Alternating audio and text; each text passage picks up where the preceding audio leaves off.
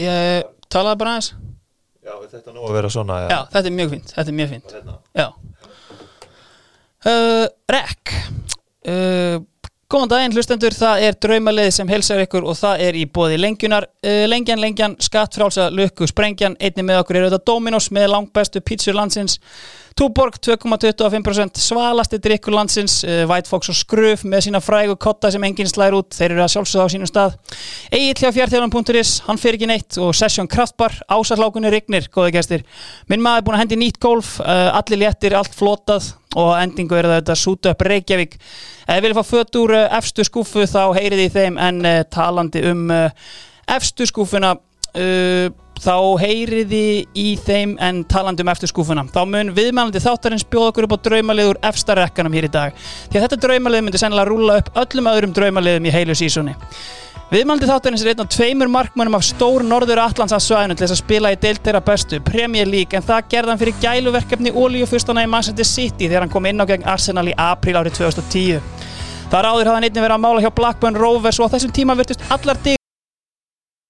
Síðari ár hefur hann þó helst heitlað okkur hér heima á fróni með mögnuðum varkvæslum í búningi stjörnunar á FH en hér í kvöld höfum við ekki meiri tíma til þess að ræða dabba viti að danna lags við erum einfallega með stærri fiskall að steikja. Enda með manni í settinu sem var hluti að byggamestaraliði og englandsmestaraliði Góði gestir frá Þórsöfn ekki á Langanesi heldur í færiðum Gunnar Nílsson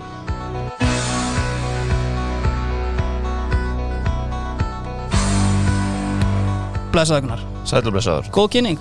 Já, þetta var alveg bara snild sko. Já, það var kannski svona hérna sko, uh, Þórsöp frá Færiðum en, en ekki Langanesi. En sko, veist, er það rétt skil þú átt íslenska móður? Já, Já, ég er með mömmu frá Siglufyrði já það er svoleiðis. Já, svo við, ég var alltaf vanar að koma til Íslands á sumri Fórum alltaf með Norrænu. Já, Kerið svo ringin og, og, og veist, það var alltaf eins og ári og við tölur reyndar færisku heima en þú veist, mann alltaf vann að heyra smá íslensku og allt það og því,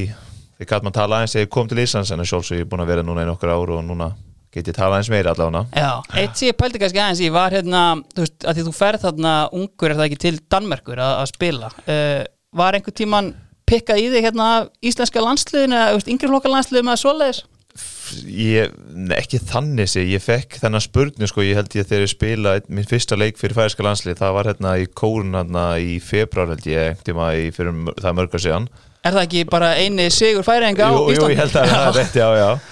um, og þá spilaði ég reyndar mjög fínan leik og þá fekk ég spurningi eftir hvort það var, eitthvað sem myndi skoða eða hvort ég spurður út í það en ég er alltaf búin að spila fyrir færiska landslið, líka yngri landsliðin og ég sé mig sem, þú veist, ég er svo svo hálfur íslendur en ég er samt, ég fætti þessi færum ég er færingur, þannig sé svo.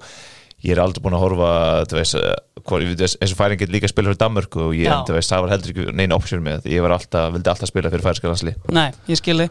Sko, við erum í bóði Session Kraftbar og Session Kraftbar eru að opna á sér, búin að vera plastir á flóta gólfin hjá sér og ásaflákan mun hlæða, uh, ásaflákan mun flæða. Tjekki endilega á þessu. Uh, Gunnar, Session Kraftbar hafa verið að spyrja viðmælandur út í hvar var mesta stemmingin fyrir, hérna, fyrir svona mórálskum hittingum og ég meina maður sem að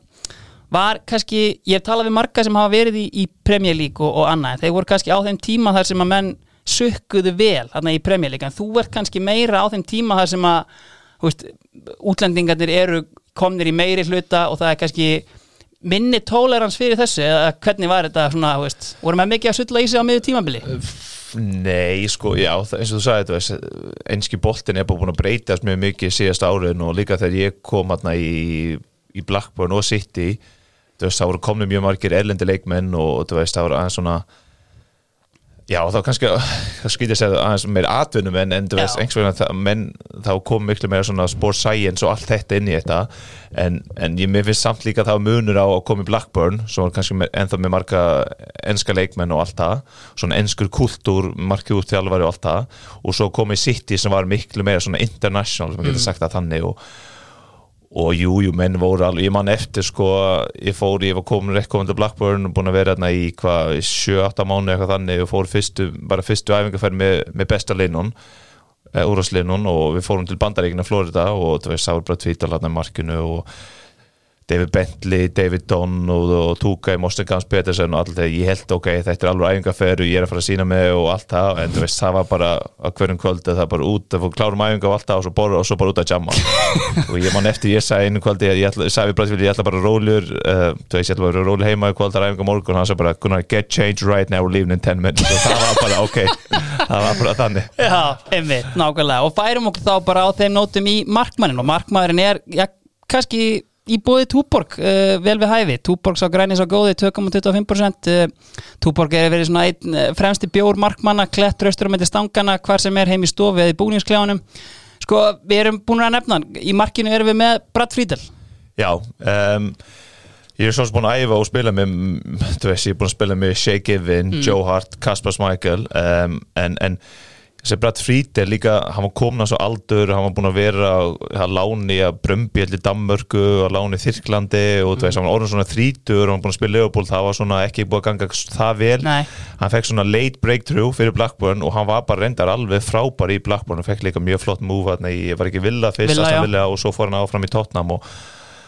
hann var bara með, þú veist, hann var bara geggja markar og geggja gæi líka, hann hjálpaði mér mjög mikið fyrst árum þegar ég var hann í Blackburn og þú veist, enna Sjólsson, Shekiven og Joe Hart allir þessi voru, og Smækil voru frábæri markmenn en já, ég held bara að það er mjög sangjart að með við, veist, ferli að mér og alltaf að frítel fær pláss í markinu. The Human Wall, sko oft kallaður. Þegar einmitt þess að komst inn á þegar þú spila með hann þá myndir maður svona halda að hann væri á loka metrunum einhvern veginn í ferlinum en þannig að hann var 44 ára. Og það sem svona velti fyrir sér veist, kanni og, og allt svoleiðis, var hann þú veist, sástu í honum veist, hvað hann var að gera sem gerði hann svona langlífan í, í boltan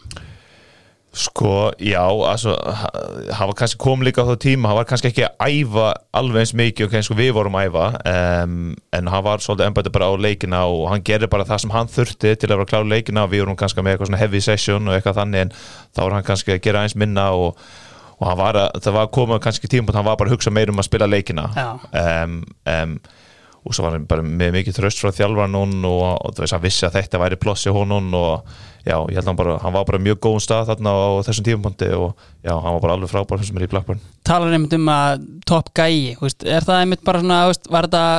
var hann svona samt alvöru gefin eða með góða brandaræn í klefanum Já, já, hann var líka með góðan brandar Ég var líka með frábæra markmannstjálfara Þessi grúpa þarna sem var saman var mjög Það var Kevin Hitchcock sem var markmaður í Chelsea nokkur ár og hann búin að vera með Elta, eh, með Mark Hughes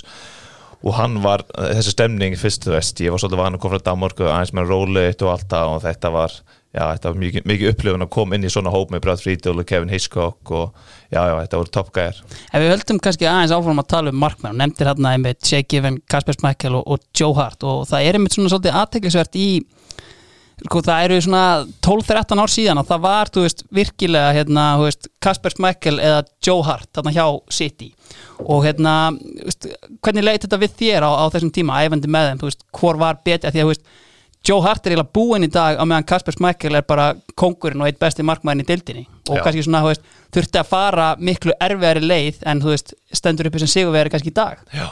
en kannski það fyrsta sem ég tók eftir þegar ég fekk að æfa með þeim og að þeir komið sitt í að það voru mig greiðlega mikið mettna þessi gæjar, þú veist, Joe, eðna, Joe Hart já, og, og Smækel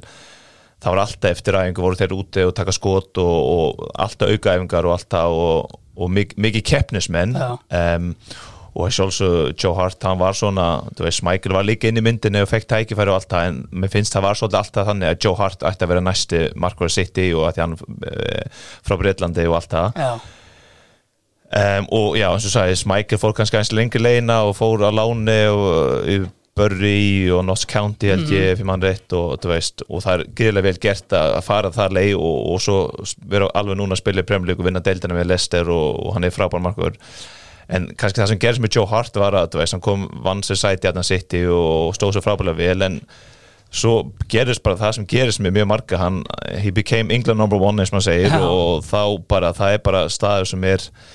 það er staður sem er mjög erfitt kannski að vera og svaka pressa og gerir kannski eitt miðstök og þá bara, the English press er bara, það er allir klára þarna og það er bara, ég þetta svo oft sko með England number one eins og maður segir þarna í Breitlandi, þetta veist, það er bara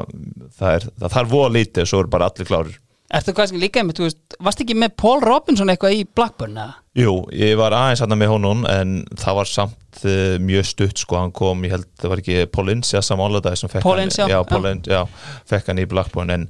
ég, þú- jú, jú, hann var fyrir gæði líka og allt en þú veist, ég mann ekki þannig sér það mikið eftir honum sem gæði að fyrir marka hann búin að spila líka í England, það var kannski sama Mm. Einmitt, England number one og hann gerir svo eitt, tvö mistök og svo byrja menn strax að tala og þú veist Já, þá einmitt er bara eins og það sé bara hægt að henda þeim bara í rustatunum Já, þetta er, þetta er ótrúlega pressa sko og líka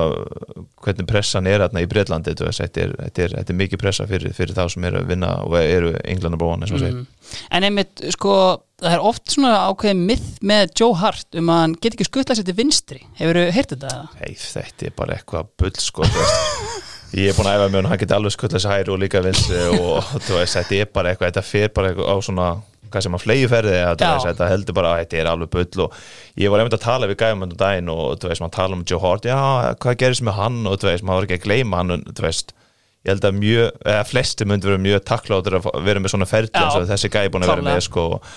að og hann er, maður kann kannski rekna að múndi spila í einhvern aðalegi núna ennþá en samt hann búin að vera með svaka flott, uh, flott uh, ferill og já, þú veist, maður, maður gleymið það stundum líka finnst mér þegar maður talar um Joe Hart. Mm Þetta er einmitt sko ef við bara höldum aðeins lengur í þessu sko að að veist, það var bara eins og Pep Guardiola hefði mætt til sitt í og bara, heyrðu, ég hef ekki áhuga að nota Joe Hart og þá hefði bara fótballteimin sagt, heyrðu, Joe Hart er vonlaus. Og það einhvern veginn bara svona hérna gjössanlega rúiðan sjálfströsti og síðan bara, sem hann hefur bara ekkert náð eftir það. Já og að því, að það líka því ég komið sitt í þá, þú veist, hann var með fína spinnur í það sem hann þurfti að gera þá Einmitt. sem marka, hann getur sparkað langt og það minnst að hann getur sparkað með hæri minnst þannig sé.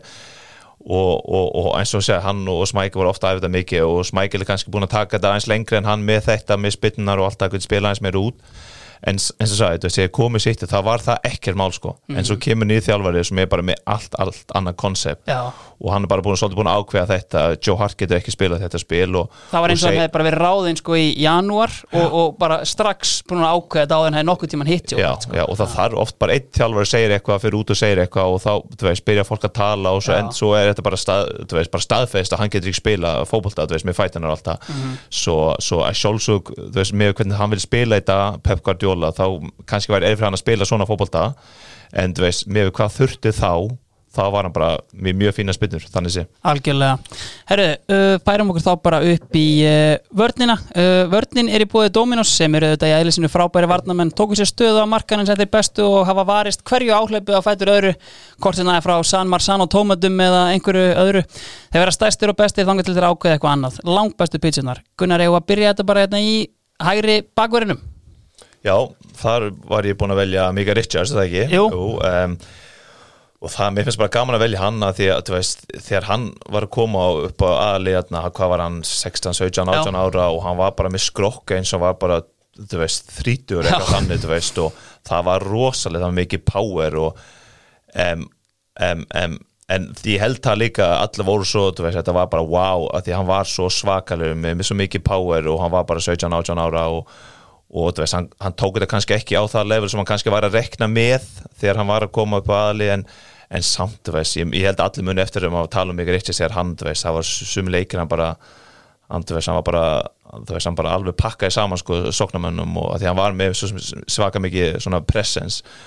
og já, ég, já, svo ég held bara gaman að taka hann með og, og að því hann kom svona, þetta var svaka breyktur hann fekk hann þegar hann kom inn að að setja í Þetta gleymist líka bara að þú veist, það er oft talað bara í dag um Pablo Zabaleta sem besta hæri bakkur ennsku deildarinnar, bara, þú veist, bar none semi, sko, en þú veist, Richards var bara með hann gerneldan á bekknum bara í 2-3 ár, sko, Já, það var ekki fyrir hann með Richards bara mittist sem að menn bara sá að Zabaleta gati eitthvað, sko. Já, einmitt, og, en, og Sabaleta var kannski svolítið örvísi típa, ekki, kannski, ekki sama power og kannski Mika Richards var en hann var bara mjög, mjög steady og spilaði bara alltaf góða, solid leiki og, og hann var líka flottur sko, en veist, sagði, ég held bara veist, að gaman að taka Mika Richards með, veist, hann var fyrstu gæðin sem hann eftir með yngri gæðin og með þetta presence og bara fekk, rosalega breakthrough þegar hann kom inn að lið Hann er auðvitað orðinn svona pöndit í dag hérna í Já. sjónvarpinu, Skemmti, var hann skemmtilega náungi í klefanum líka? Já, já, frábært drengur og þú veist, maður geti alltaf að tala við hann og ég líka búin að horfa stundum á hann þarna, og mér finnst hann bara mjög flott svona pundit Já, og, hann og geggjuð ég finnst- blanda, Já, sko. mjög gaman að horfa á það saman Herru, komin á þann að sko, þú ert, eh, þú ert í sitt hérna, í einhver hérna, þrjú ár uh, auðvitað ferið á einhverja landstíla og svona en veist, hvað er svona hlutverkið þitt í, í liðinu? Er, veist, ert að æfa alltaf með aðaliðinu eða er, er varaliðarna sem þú ert að æfa í eða veist, hvernig, svona, hvernig var þessi tími? Já, ég var yfirleitt alltaf að æfa með aðalinnun og svo en svo spilaði svo, svo, svo yfirleitt bara leikina með aukalinnun og, og Eru margi leikir sem að úst, aukalið er að fá eða? Er það Já. bara eins og sér deild eða? Já, það er Já. bara fyrir það er, þetta er reserve league heita,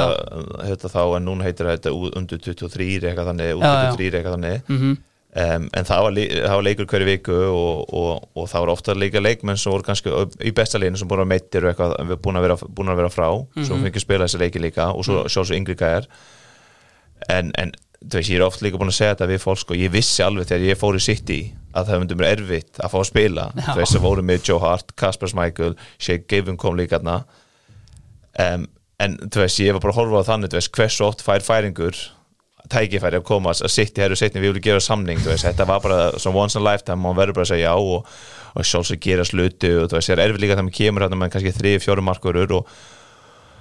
og mann er svolítið svona backup og vil ekki alveg leifa að fara því ef ekki náðu gerist þá, þá vilja þeir vera með, með hérna, sem backup og, og, og, en þú veist, þetta var samt geggju upplifun og ég kom líka þegar þegar allir þessi peningu var rétt komin í sitt ég sá bara líka hvernig þetta fór bara alveg veist, á fullu svo, þú veist, ég myndi ekki breyta þessu ég myndi, myndi fá þetta tækværi aftur. Með við, þú veist, e- allt þetta þú veist, hvernig ég var í þessi stað sem ég var í komin hérna á Blackburn. Þetta er einmitt sko að því þú ert náttúrulega hérna, þú ert sjötti leikmaðurinn sem að Sheikh Mansour kaupir hérna til, til félagsins. Og þú veist, hvað svona, þú veist, hver var aðdraðandinn rauninni að því að, að City kaupir þarna? Sko, að sjálfsög, það var Mark Hughes sem tók mig í Blackburn. Já, og hann fór, að sjálfsög, hann fór hérna í City. Mm. og hann tók sér þennan sem við varum að tala um rétt á hann markmannsjólan Kevin Hitchcock tók hann með sér. Og þegar hann tók mig í Blackburn þá var ég svona project, veist, ég var svolítið veist, samt að að vinna með mér og allt það, veist og, og hann fór svolítið bara allt í einu skilur og out of nowhere og, og, og þeim leið svolítið og ég mér líka sko, það var, við vorum ekki alveg búinu með það sem við ætlum að gera já, sko. já, eh, svo gera sluti eins og maður kemur svona félag og, og Markius verið reikin og Mancini kemur og allt það. En svo það var svolítið planið að þeir vildu, vildu vinna aðeins meira með þessu. Ef við förum aðeins bara aðeins aftar í þetta og hérna, þú ert hjá uh, boltaklubnum fram eða ekki í, í Danmörku þegar þeir taka hver er aðdraðandinn að því, hvernig kom það upp? Já, altså, uh, ég fór sem sagt ég fætti þessi færi og fór heimann frá og flutti til Danmarku þegar ég var 15 ára Var það gaggjert út af fótbolta eða var það bara svona, flutningar? heitir svona eftirskóla fótbolta eftirskóla, þú veist, tíndabekkur tók ég hérna í uh, fótbolskóla heitir Hesselgås, hann er ekki til lengur því núna félinn kom með, með Ad- Academy Mhm. í Danmarku en tók svo tíndabekk og og það var í Júlandi og svo, og, svo, og svo fór ég frem og fe- fengum að æfa með þeim eitthvað og þeir vildu fá mig, vorum þrýr aðri færingar líka Var ekki Jónas Nes? Jónas? Nes var hérna já og svo tveir aðrir um, og fórum ég frem og ég var endar hérna held í fjör og halvt ár eitthvað þannig fjör ár um, og þá kom svo tímapunktur að, að samning var að klárast og frem vildi hafa mig áfram en, en ég fekk svo tækifæri að fara að reynslu á Blackburn og að þið hefur búin að heyra um mig, búin að spila Englandslein og allt það og ég ætti að vera hérna, ég fór svo reynslu hérna í hvað februar eitthvað mars eitthvað þannig og samning var að klárast hérna sumri, sumari um, og átti að vera í vik og en alveg eftir, svona eftir þrjáta þá ringdi þér í umbúsmann hjá mér og segði við vildi fá við og, og þú veist og, og svo skipti fór ég hérna í júni eða júli til Blackburn. En sko, það sem ég hugsa bara þegar ég heyri þetta veist, spila með yngri landsliðum vissulega en veist, með fullri virðingu yngri landsliðu færiða hvernig, veist, var einhver ákveðin leikur sem spilaði sem spotti að, var bara, varstu allt í einu bara heima og ringt bara heyrðu, frá Blackburn, heyrðu, við viljum fá þig hérna? Já, sjálfsög, það hjálpar alltaf að vera með góðan umbúsmann og Já, allt já, það já, en, en, en þessi félag fylgja skilja vel með þess, þegar yngri landsin er að spila þú veist, hvað sem er við erum að sjálfsögðu að spila með, með sterk lis yngri landslegin og, og þeir fylgjast bara greiðlega vel með og Já, og þetta var líka mín umbúsmál sem stóð svo ve- vel sem reddaði mér þessu tækifæri að koma saman og, og svona gerist þetta bara. Algjörlega, herru, sko talar áðan þarna um varalist liði hjá hérna City og uh, bakur sem ég langar að spyrja út sko Kieran Trippier hann hérna, hann fer hérna í gegnum akademinu hjá City, spilar ekki einhverja leiki með honum Jú, jú, ég spila fullt að leiki með honum og en þú veist ég, ég man ekki eftir að og hann væri eitthvað svaka talent hann var fýtn og allt það en veist það er líka oft erfitt að segja þeir, þeir eru 17, 16, 17, 18 ára og þú veist hversu langt það getur farið en, en, en en hann fór líka, þurfti líka að fara frá sitt ég held að hann fór í Burnley Yep. og stóð svo rosalega vel þegar þar og, og, og, og, en þú veist ég man eftir hún en, en, en, en, en hann var ekki eitthvað svona Hann strækaði ekki sem nei, einhver nei, nei, nei, ekki að hann myndi vera næsti Nei, voru einhverju þarna í varlegin sem strækuðu þessum gæja sem að, úst, væru klálega að fara með það? Ben Mee? Já, hann hann var fyrir hérna hjá varalinni okkur Já. hérna í City og hann var svona, þú veist, á fullu með svona classical British defender og- Burnley stemmingin. Já, emmitt, emmitt og, um, um, og hann, hann að sjálfsögðu fór um, hann fyrir núna í, í Burnley um, en hvort það eru einhver gæjana sem svona alveg nei, ekki þannig sé um, það var, John Guidetti var hérna, Einmitt. já, hann var hérna líka búin að vera nörkið Dedrick Boyata sem var fór í Celtic Mhm. held ég, hann spila Er leiki. landsliðinu já, nú. emmitt, emmitt en nei, ekki þannig sé, það er svo erfitt að segja að þú getur fengið tækvað, þú getur fengið samning yngri, þú veist, svona um, U16, U18 og allt það en veist, það er líka þessi peningur og það er mjög erfitt að komast inn á aðali hérna hjá, hjá City, það er bara þannig Já, algjörlega. Herru, færum okkur þá bara í hérna hafsendana. Þú má bara ráða á konum þú byrjar hérna. Já, ég tók um, Ryan Elson sem var fyrirligi hjá, hjá Blackburn Einmitt. og það líka svolítið svona veist, þetta var svona eye-opener þegar maður kom í Blackburn, hann var fyrirligi og þú veist, hann bara mjög flotti gæi en setti líka svaka kröfu á sjálfan sig og líka, og líka á, á, liðsfélana og hann var líka mjög svona solid gæi um, hann var ekki reyna að flækja lautina og, og hann var líka eitt gæi sem hjálpaði mér mikið, hann var að svo svo fyrirligi og ég var að koma svona yngri gæi hérna frá, frá, frá færum með Danmarku og og já, ég finnst líka að þú veist Blackburn la- var líka með á þessu tímpónti held að endur í tíunda sæti sem var bara mjög flott fyrir Blackburn. Algjörlega. voru með Ryan Nelson, Brad Friedel, Ryan Nelson David Donn um, og svo var David Bentley að sem átti að vera næstu bekka og tala um það í Breitlandi. Og Benny McCarthy var frábær hans, kannski hans besta ára hann fór Portland en líka á Blackburn. Og Gamst, Morten Gamst Pedersen þetta var bara mjög gott lið sko, sem stóð sem bara búin að spila saman mjög lengi. Mhm. og, og, og, sem sagt, og hann var fyrirlið á þessum liði og, og hann bara, var bara mjög flottur og hefur mjög flott, nokkuð, flott- tífumbilaðni hjá, hjá Blackburn Algjörlega. Tímin að það er mitt í, í Blackburn, sko, Mark Hughes er með lið og veist, það er svona, hérna, þetta er örglega svona, veist, eftir að vera englandsmeistar, þetta er svona besta tímabilið, hérna, í þeirra sögu í, í veist, og grófir veist, og svona hérna, mikið tal, Mark Hughes alltaf að hérna, kvarta undan hinn og þessu einhvern veginn í, hérna, er að kvarta í honum í rauninni yfir því hvað eru grófur annað, þú veist, var, veist, góð stemming og menn til í fæting Já, annað. ég, þetta, ég er líka búin að segja þetta ára ég man eftir þess líka þegar ég var að sjá svo í Danmarku og spila með fremmatna aðlinn á þeim um, og þá var svo svo, menn geti alveg tala og sagt eitthvað öskra okkur annan en þegar ég kom aðna fyrst á æfingun þetta var alveg ró, mann var alveg slátrar skipta engum alveg hvað maður gerði það var bara uh, veist, það voru gaurið eins og David Donner, Ryan Nelson og Tuka líka og þú veist, það, ef maður gerði bara eitt mistök á æfingu þá var hann alveg bara allir klárur Já. og bara strax og, og þetta var svolítið sjokk til að byrja með bara sjokk, þú veist, svona sjokk fyrir, fyrir systemi að, þú veist, hvað er að gerast þarna þú veist, að maður var ekki vanið þessu. En maður læra líka, og hann var líka mjög duðlega að vinna með mér að markmannsjálf sagði líka við mig, þú verður að segja hvað tilbaka, þú verður að stand Já, up for yourself, ef ekki þá bara þeir finna strax það er gæi sem ekki, þú veist, það er bara, þeir eru bara allir klárir. Já, svo, og, það, og ég held að líka þessi ár hérna í Blackburn er líka, veist, eina svona the reasons akkur ég er svona eins og ég, veist, ég spila fóti, ég tala mikið, öskra Já. og allt það, ég held að það byrja alltaf á þessum tímpundi Já. hérna hjá Blackburn þú minnist þarna á uh, mikinn meistara, Túkæ ég hef hérna heyrt sko hlusta á marga hérna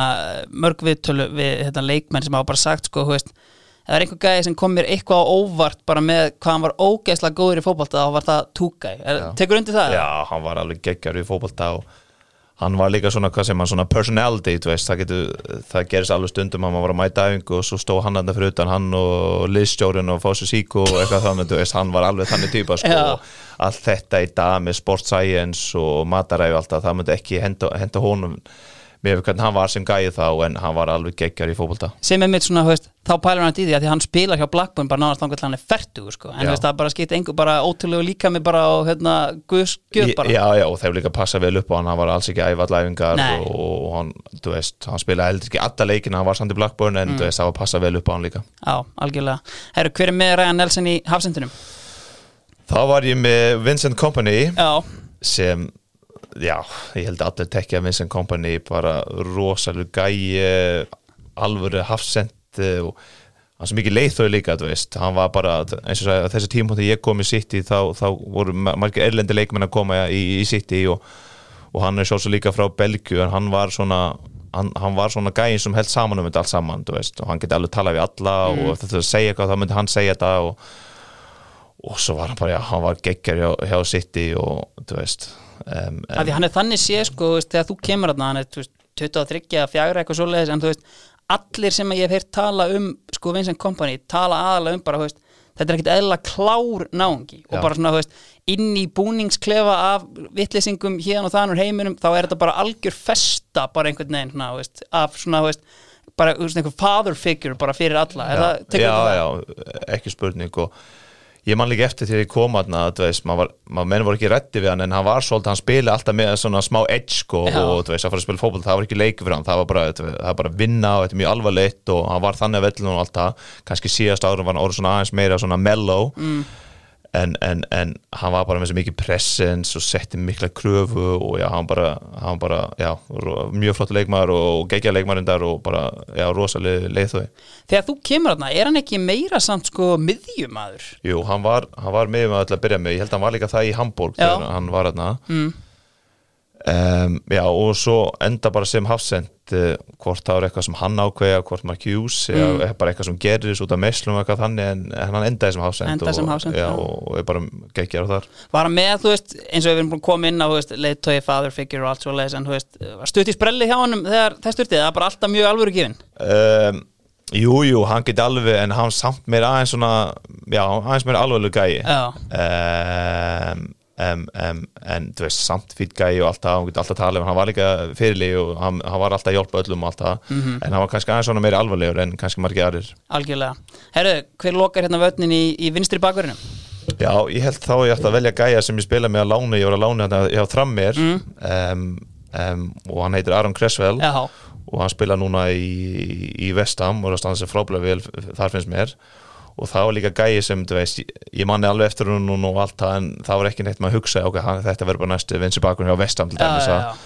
uh, um, en ég finnst bara líka geggja hvers hann kannski farið lengur leina með þetta og búin að byggja þetta upp og, og, og bara sína stöðuleika og svo enda í, í Vestam og hann spilaði náttúrulega alltaf leikið þar og já, svo ég held, þú veist, það eru svo aðrir Wayne Bridge var líka í, Mm. í, í, í, í City og Stephen Warnock var í Blackburn Já. þú veist, líka flottir vinsbakurur en, en þú veist, með ferillin hjá, hjá Cresswell þá held ég að bara mjög sangjart að hann fær plossi hérna. Já, geggjaði gæði með ban eitraðan hérna vinstri emmitt En hérna, þú veist, þú minnist á Bridge og þú veist, maður er oft kannski pælt í því hérna þegar maður er svona, þú veist, bara að lesa blöðin og, og annað svoleiðis og hérna, maður velti fyrir sér svona, hversu mikið er talað um inn í búningsklefunum það sem er í fjölmiðlum, eins og til dæmis bara ef við tökum bara til dæmis hérna, Wayne Bridge uh, John Terry málið, þú veist, er þetta eitthvað sem að, veist, var gerð, gerður bandir úr þessu inn í klefan eða, þú veist, það er, þú veist bara allt gengur sko, það voru alveg tala um þetta að gera bandir eins og, og, en samt, þetta fyllir kannski mikið veist, í pressunni, þú veist, og allt það. En samt fyllir þetta ekki það mikið. Mann tala það mikið, mann er búin að tala um þetta og þetta, þetta er lítið mál fyrir leikmenna Já. sjálfsög fyrir hann, sem sjálfur var í þessu og allt sem kringum þetta, en þú veist þetta var ekki fylla neitt þannig sé í félagann og svona þegar um að æfingu eða neitt þannig sé en en það var alveg, þú veist, í, líka í Breitlandi það er mjög mikið bentar eins og maður segir Já. og það var alveg tala um þetta og, veist, en hann var, mjög- ég finnst það mjög flott gæi Algjörlega. Herru, uh, ef við förum þá bara aðeins í tíman hérna, minnist á náttúrulega Kressel spila með þér í Tranmer og sko, hvernig er þetta að ferð í Tranmer? Er það, þú, þú ert búin að spila leikin hann á móti Arsenal og ferð síðan um sumari til Tranmer? Já, Já. ég fór svo þarna ég átti að vera þarna í sex mánu til að byrja með um, og spila svo fyrst leikina að metti svo og fyrir svo aftur í City metti svo þarna vins öxlarna ég var enda með svaka vörslugin mótir ítælum færska landsleginu Já. Casano voru með róslaskoða staðan var enda eitthvað 4-5-0 eitthvað þannig og spilum útvelli en ég mettist mjög öll að það og var frjáð þrjá mánu og, og, og svo ég enda bara með að spila þessu 28 leikina fyrir, fyrir trammir en, en, en, en það var ég eftir þetta þessu- þarna eftir ég fekk hérna, leikin mótur Arsenal. En fór svo aftur í City og, og svo já, svo fekk ég kannski stærsta meðsli sem ég sjálf svo á ferðinu meiti sér hérna í jánum februar hérna, þar sem sleitt crossband og leifband var frá í átján mánu Já, um, en já, þetta var svona eftir aðsannleikinni að félagbundi sínum áhuga og, og, og fór að lána það. Hvernig er þetta einmitt svona, ég hef oft hérna tala við gæja sem þætti sem að hafa hérna, verið í kannski liði í One eða Championship og, og það hafa komið þessi leikmenn frá hérna, veist, Chelsea, Master United á láni til þeirra, þú, þú ert einn af þeim, veist, hvernig svona, veist, hvernig er að fara úr umhverfinu bara hjá Manchester City yfir í League One tranmer, er þetta gott eða þú veist, hefur maður gott af þessu? Já, þetta er auðvitað holdt sko. Þú veist, að því að þegar mann er í, í, í City, þú veist, þetta er það er hugsa um allt fyrir leikmenna, bara allt þú ert bara með player care eins og eitt heimi heitir þarna, bara hugsa um leikmenna fjóri eða fimm uh, starfsmenn sem bara hugsa um þú veist, hvar leikmenni búa ef það er eitthvað sem þú eru aðstofi að redda íbúð, bíla, you name it leikskólar og allt það sem bara sjá um þetta og svo aðstöna líka mér með, með nuttara og allt þetta sem fylgir þessu. Um, um, og svo koma í trammi sem var, þú veist, ég er svo í Liverpool um, en þú veist, þetta er ekki félag sem er með mikið penna þetta er kannski, völlunum kannski þannig sé flottur og allt það leikvöllun en, en, en þú veist, við þurfum alltaf að mæta í, á leikvöllun hérna hjá Trammir eh, prent, hvað er það, Prenton Park Já, það ekki. og svo þurftu að klæða þar og svo þurftu að keira í svona korti 20 mill að fara á svona völl sem var kannski svolítið middle of nowhere Já. og æfa og svo keira aftur kannski blöytur og allt það svo þetta var svolítið svona eye-opener já mm. að það ég var bara búin að vera í Blackburn sem var mjög fín aðstöður og, og svo í City Já. og það er, svolítið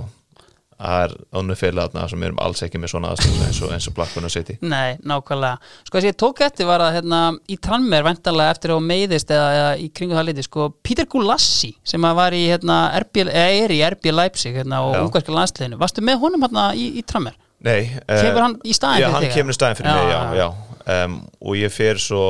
aftur í City og þetta er svo og ég er svo í City hann um áramóti og svo og svo átti ég að svo er ég heima og æfa með City og alltaf búin að ná mig aftur og alltaf og svo ringir hérna Brian Marwood sem er sem er hérna já, director hérna á City operational director og hann ringir í umbúsmanni á mér og segir að Nottingham, eh, nei, að hérna Southampton vildi fá mig að láni Já. svona emergency, breytlega með fengið það sem einn mánu emergency loan mm -hmm. markmann meiðis vildi Já, fá mig þarna og mér finnst það mjög spennandi, ég tala við umbúsmannu og okkur finnst það mjög spennandi til að fá þú veist, að komast í, vera mjög nálat besta línu og allt það Mm. um, og segjum bara já og þeir eru svo vinni að gera, klára þetta pappirinn og allt það og svo svona þrjá eða fjóra klukknum setna þá ringja hann aftur í okkur og segir að Shea Given has just reported an injury Já. þú verður að vera hérna og segjum back off við þurfum að, þú, færi, ekki að fara Já. svo í staðin fyrir ég sama kvöld að spila hérna, leik fyrir aukalegi hjá, hjá, hjá City Reserve League hérna, og meiðist í, í þessum leik og var bara frá í, í átján mánu Já. þetta sýnir bara að það er oft voða lítið þá getur bara allt breyst Algjörlega. Herru, uh, fjartþjálfum.is, þeir eru með uh, langbesta prógramið og, framleiða í rauninni harðarleikmann, gilsarinn er með yfirbúra liftingaprógram fyrir fólk af öllum stærðum og gerðum. Aldrei á snemt að byrja. Sko, uh, gilsarinn hjá fjartþjálfun Gunnar, hann hefur verið að spyrja út í svona hörðustu samherjana sem að menn spiluðu með á fellinum. Og einhver setja þetta í hug þar? Sko, ég, ég ætla bara að taka sko Gumma Kristján í, í, í, styrt, í, bara í liftingarsalna, hann er alveg rosalir, ef hann væri ekki í fótbolta og myndi fara all in í eitthvað svona bara weightlifting Já. eða crossfit dæmi þá myndi hann alveg bara, já hann væri alveg rosalir, þetta er svakalega þegar hann fyrir nebeir og allt það og já, svo hann er hann er, svona svo allra harðasti já, hann Já. er bara, já, hann er algjör nagli sko í, þegar kemur talan um svona dæmi. Herru, þá ferum við ykkur upp á þryggjamanna miðju, hún er í bóði White Box og Skruf, þetta er auðvitað yfirbyrða vörumerki í kottaleiknum, kottarnir eru útróðinir af þessum flottu tóbakslausu og skítlausu efnum og, og gefa allt bössið en ekkert bakk. Mættu fyrstir á íslenska markaðin og hafa verið alls ráðandi síðan þá, Gunnar Eva byrja bara á uh, djúpa miðjumannum hérna. Já, hvern var ég með aftur? Var ekki með Nigel de Jong? Jú, Nigel Little de Jong. Já, emitt um, Hann kom líka hérna þegar Mark Hughes var hérna eða ekki rétti Jú, ég man 2009, rétt. já, já. já, og hann var bara algjör nagli sko. hann var reyndar geggja gæi alltaf, alltaf grínast og mega joke og alltaf og líka svona social svona Hljómar ekki mjög hollenskt, en, en hérna, Nei, því að- hann var svolítið Já. eh, en, en, en þú veist, hann var getið talað við alla eins og sagði og bara algjör nagli að þú varst með kannski margar svona leikmenn á City sem voru svona kannski, kannski maður varnarlega svona lightways með Robinho, Craig Bellamy Já. og Adam, John, uh, Adam Johnson og En svo vartu með, með þennan gæja þarna fyrir framann uh, vörnuna Nigel Young og já, hann, hvað, ég er ekki mann ekki eftir hvað mörg ár hann var í sitt Jú, hann fór hérna bara eftir titilinn 2012 held ég sko Já, emmitt, emmitt Þetta var svolítið skrítið, ég, veist, ég veit endur ekki mögulega var hann á kontrakt í eða eitthvað svoleið sko, en hann var bara að spila bara eins og kongur djúpar á miðin og síðan einhvern veginn bara fer hann til Asi Milan bara frekar óvend sko. Já, emmitt, emmitt og ég er ekki alveg viss hvað gerist þar en hann var mjög flott þarna og hann spilaði mjög leikið sem með, með Gareth Barry Mhm. um, og þeir var bara mjög svona, þetta var bara svona mjög solid með hjá, hjá City á þessum tíma Mhm. og það getur lett hinn um sóknamann og allt að vera aðeins svona, svona meira svona um, hvað sem hann að leifa ekki þarf að hugsa eins mikið um varnarleikina þegar maður ert með svona tvo, tvo svona gæjarna minnist einmitt á Gareth Barry uh, Aston Villa legendið sko, veist, gæði sem að lítur út á velli eins og hann sé leiðilegasti maður í heimi en þú veist, er, hann, er eitthvað skemmtileg hlið á honum með það? Sko ég held að, já, já, hann var enda mjög róljur, gæði gæ, sagði ekki mikið, um, en ég veit alveg að eins og gæjar eins og hann og Shea Given og Joe Hart og Adam Johnson, þeir, þeim finnst gaman að svona eftir leiki að fá svo einni eða tvo, kannski fleiri bjóra og, og, og taka kannski leigubíla og Já, einmitt, einmitt, einmitt, svo- svona gæi. Já. en hann, hann var svona róljur gæi og talaði ekki mikið í klefanu og, en, en já, bara mjög svona steady gæi. Fyrst erum við að tala um hérna djúpa miðumenn sko það gæi sem var hérna í, í Master City uh, Michael Johnson uh, hérna ungur og efnilega leikmaður sem var bara hérna einhvern veginn sorgleg saga, bara einhvern veginn hérna, hættur bara nánast að geta spila fótbolta um, um tvítut, er ég í villur ráfandi ef mér fannst hann helviti promising eða? Já, hann var mjög promising og, það er eins og líka eins og gerist með mjög marga enska leikmenn að leiða þar eitthvað svona aðeins, mjög- svona aðeins efnilegur og spennandi eitthvað þá er maður bara the next Steven Gerrard eitthvað þannig og, og hann fekk líka breakthrough hjá City, hann var bara eitthvað 20 ára 19 Já. 20 ára eitthvað þannig en, en, en, en sem kannski gerir sem hann meittist í miður mjög alvarlega og sleitt crossbandi eitthvað þannig. Og ég voru líka reyndar ég og hann uh, finnum bara vel saman. Hann var, því hann var meittist líka á sama tíma sem ég var meittur um, en já, því miður þá þurfti hann að hætta allt að snemma. Og síðan kannski annar svona hinlegin á peningnum er að hérna, eldgamall Patrik Vieira lappar hérna inn í, í búningskleðan 2010, ert þú ekki þá hérna ennþá jú, bara, jú, jú, það er oft, ta- ég hef oft heyrt á tala um svona, veist, jú, hann var kannski svona, veist það var ekki mikið bensín eftir á tankinu menn svona, veist, geggja presen sem hann kom með svona sigurvegara attitút inn í svona já, ég var einmitt að alltaf fara að segja það. Já. hann er með svona coolness, hann vissi alveg að hann væri góð leikmaður og hann var bara eitthvað svona aura kringum hann og, og, og já, og þegar maður fær svona gæja þá allir, allir tekja Patrik Vieri og þegar hann kemur í klefan, allir stíja eins upp og, og veist, það var líka peningur sitt, komum peningur sitt þá til að ná í svona leikmenn. Um, um, já, og þessu, nokkur ár setna fekk man líka Frank Lampard sem komið sitt líka, veist. Það örugglega aldrei gerast í gamla nei. en það var bara þessi peningur þarna, svo það var hægt að gera þetta, ná í svona leikmenn. Algjörlega, sko ef við færum okkur bara aðeins í hérna aðra sálma og bara svona ræðum aðeins hérna sko færiskan fótbolta og, og svona færiska menningu í kringum þetta, sko, er það rétt hjá mér? Þú er aldrei spilað í færisku deildinni? Já, það Já. er rétt um, að ég fór ég byrjar að æfa með besta línu á HB hérna í Tórsöf Mhm. um, en, en ég var sagt ég var bara 15 ára þegar ég fór frá, frá færium já, svo ég hef aldrei spilað í úrústeldinni í færium er eitthvað sem að, veist, kittlar að einhver tíman að hérna, taka eitt sísón eða, er það bara alveg farið Ég er oft spurði út í þetta en, en þannig sé nei, Nei. ekki þannig sé að, þú veist, það væri kannski gaman þegar maður komið til færi og þú veist að mann er í þessu en eins og staðan er núna veist, ég er ekki með svona tilfinningi ég verði að spila í, í bestu deildinni í færium en, en, en hver veit, markmann geti alveg spilað til svona 45 ára og kannski eftir svona 5-10 ár þá fer ég til færi að spila 2 ár þar. Einmitt, nákvæmlega. En svona, veist, hvernig var þetta dæmi hjá þér einhvern veginn, veist, þegar þú ert í, í City, ég meina, þú veist, þetta er bara það langstæsta vendanlega sem að einhver færisku leikmaður hefur náð, veist, var þetta bara svona eins og þegar Jamaica átti liði í bobsled keppninni, þú veist, var, var þetta huge í færiðum og, og, og svoleiðis, var, var, varstu svona kannski eður smári færi á einhverjum skala? Já, því að veist, þetta var svolítið stort í færium um, ég er ekki viss hvort ég var eins smári eins og ykkur hérna á Íslandi en, en, en, en samt þetta var mjög stort og líka eins og á Íslandi það fylgjast allir mjög rosalega vel með ennsku úrsteldinni í Já. færium og allir eru með eitthvað lið flestir eru annarkorti Liverpool eða United um, og það er kannski ekki margir sem halda með City en samt, þú veist að koma í Blackburn var svo stór skref en að svo koma í City líka eftir það var greiðlega stór skref og og svo það ég fekk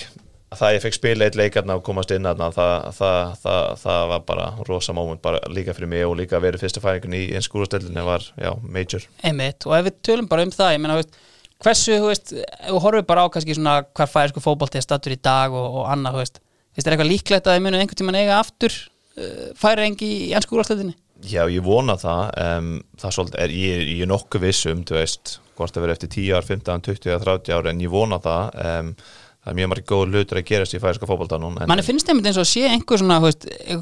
góð meðbyr einhvern veginn í hérna boltanum þarna núna. Já, en, en, en